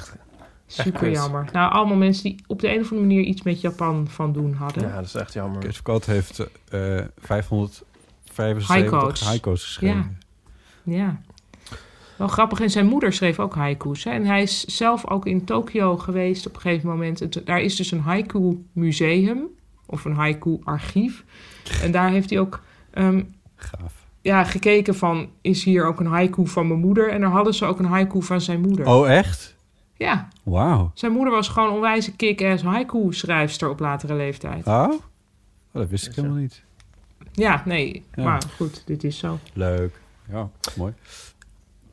Ik weet niet of ik dit eigenlijk mag. Ik heb nu de behoefte gewoon om het aan, met jullie, aan jullie, tegen jullie te zeggen als vrienden. En het eh, komt toch wel uit. Maar mijn boek is dus uitgesteld. Ja. Ja. Ik snap het wel, want het wordt Ja. e- echt lastig de komende Ja. tijd. Ja. En ook misschien met jouw thematiek. Nee, het moest wel. Het kan Dat niet dat- anders. maar- Maar, het is, ja, in, in principe wordt het over de zomer heen getild. Maar dat is niet per se slecht. Nee. Ik bedoel, dan kun je het Nee. lekker in die herfst en dan richting de feestdagen, toch? Ja. Ja. Dat is eigenlijk heel goed. Klinkt als een verstandig Ja. idee inderdaad. Ja, want je wilde het... Ja. Ja. Ik sta er ook achter, maar het is ook toch weer een soort Nou, het van... is qua spanningsboog helemaal ruk. Ja. Toch? Want je leeft naar iets toe en het... Nee. Oh. Ja. Ja. Maar, Maar goed. is het al wel eh, op slot, zeg maar? Is het al wel naar de drukker? Eh, Nou, ja, als je het nu laat drukken, dan, dan, dan kost dat heel veel geld om het eh, op te slaan, zou ik maar zeggen. Oh, dus Ja. Die enorme aantallen. Ja. Nee, maar, dat is gewoon heel in dat moet je niet doen. Het is, het is- bij wijze van spreken was het zo van... Oh, dan ga ik nu op de knop drukken. Stop! Oh. Ja. Nee, we wisten het al wel een beetje, hoor, daar niet van. Maar ik vind het ook een heel verstandige beslissing. Maar het is gewoon een beetje, ja... Dat is een fotostrip, Ipe. Ja. Nee, maar ik snap het helemaal. En ik, had er, ik heb er ook serieus over nagedacht van moet ik dat dan maar doen. En dan uiteindelijk Ja. niet, maar ik kan me heel goed voorstellen hoe dat Ja. voelt. Mijn, eh, mijn Ja. boek verschijnt voorlopig ook nog niet. Terwijl juist veel meer mensen op vakantie in eigen land zullen moeten gaan. Dus wat dat betreft kun je alsnog je, je alles onthullende negatieve reisgids voor Friesland gaan maken. ja. ik, eh, de relevantie spat er vanaf. ja. Dat denk ik ook.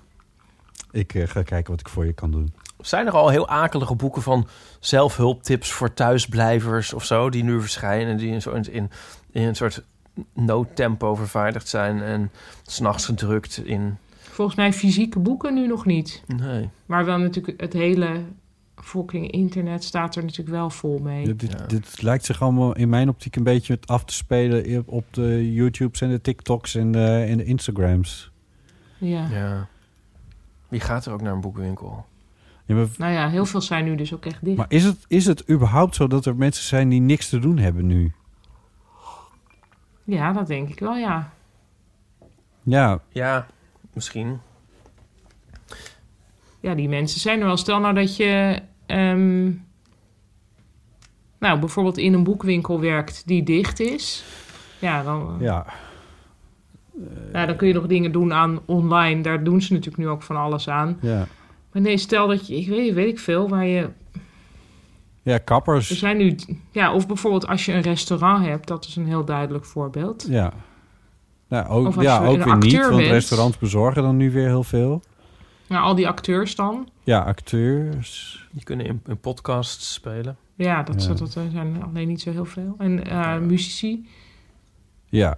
Ja, die geven allemaal massaal concerten uit hun huiskamer. Ja, maar dat, daar gaan ze natuurlijk, zijn ze volgende week denk ik misschien Ja, ook wel ja, weer moe van ik geworden. ook, ja. Denk ik. Ja. En dan gaan ze covers spelen van Don't Stand So Close To Me en zo. Ja. Oh, ja. Maar ja, als je muzikant bent, dan kun je altijd nog proberen een liedje te schrijven of zo. Ik bedoel, ja. Ja, nee, precies. Dat, dat gevoel heb ik als cabaretier ook. Van ja, ik zou in principe dingen kunnen verzinnen voor een voorstelling. Behalve dat het bij mij nooit zo werkt, want ik heb een publiek bij nodig. Maar, ehm, en al die try-outs gaan nu niet door, dus... Ups. Maar wacht, je Eh. gaat toch gewoon... Je, huh? Hoe werkt dit dan? Want jij hebt publiek nodig Nou, voor je voorstelling. Ja, want ik bedenk dan van tevoren dingen, maar dan ga ik er dus ergens 20 minuten optreden. Ja, en dan dat test je. laat ik zeggen dat ik daar een half, de helft van heb bedacht. En de rest ontstaat op het podium. Oh? En dat zijn vaak veel leukere dingen, vind ik. Ja. Dan wat je kunt bedenken als je niet in, niet op die, als je, want je hoofd werkt toch anders als je op een podium staat. Tenminste, voor mij. Ehm, nou, dat is er nu allemaal niet. En dus nu is het ineens dan na de zomer gewoon de echte volle try-outs moet ik gaan doen. Dus dat wacht, wordt heel want dit is, nieuw. al een, dit is al een heel traject dat natuurlijk allemaal al lang vast staat. Dat is nu aan de Jij weet al wanneer jij première hebt en dat soort dingen. Dat weet ik. En ik weet ook dat ik bijvoorbeeld komende donderdag zou ik 20 minuten in Rotterdam spelen. Ja. Dat gaat dus niet gebeuren. Vorige week had ik 20 minuten in Amsterdam gespeeld. ja. Wat is de eerste die wel weer doorgaat? Ehm, ja, dat is nog niet helemaal zeker. Ik heb op 4 en 5 juni iets staan. Dat zou in theorie... in theorie, ja. Ja. we zullen het afwachten. Ja, dat is eh, inderdaad op 4 en 5 juni Maak- in Rotterdam. Maak je je zorgen over je programma? Ja, daar ma- oh ja, en 9 juni Amsterdam. Ja, daar maak ik me natuurlijk... Ja, maar ik maak me altijd zorgen over mijn programma. Ja, maar ex- extra Nu zorgen. ook, maar dit is dan eh, wel extra. Omdat ik denk, ja, maar hè? Ja. Hoe ga ik dat dan eigenlijk doen? En ook qua on- onderwerp of zo. Hoeveel gaat er nou Ja. echt veranderen in de wereld? Eh, hou op. Op wat voor dingen zitten mensen te wachten? Straks Ik- is er wereldvrede. Nou, hang je. Nou ja, en eh, ook of alle, zeg maar, alle corona-shows. Dat lijkt me natuurlijk ook Ja, weer heel nee, erg. Ja.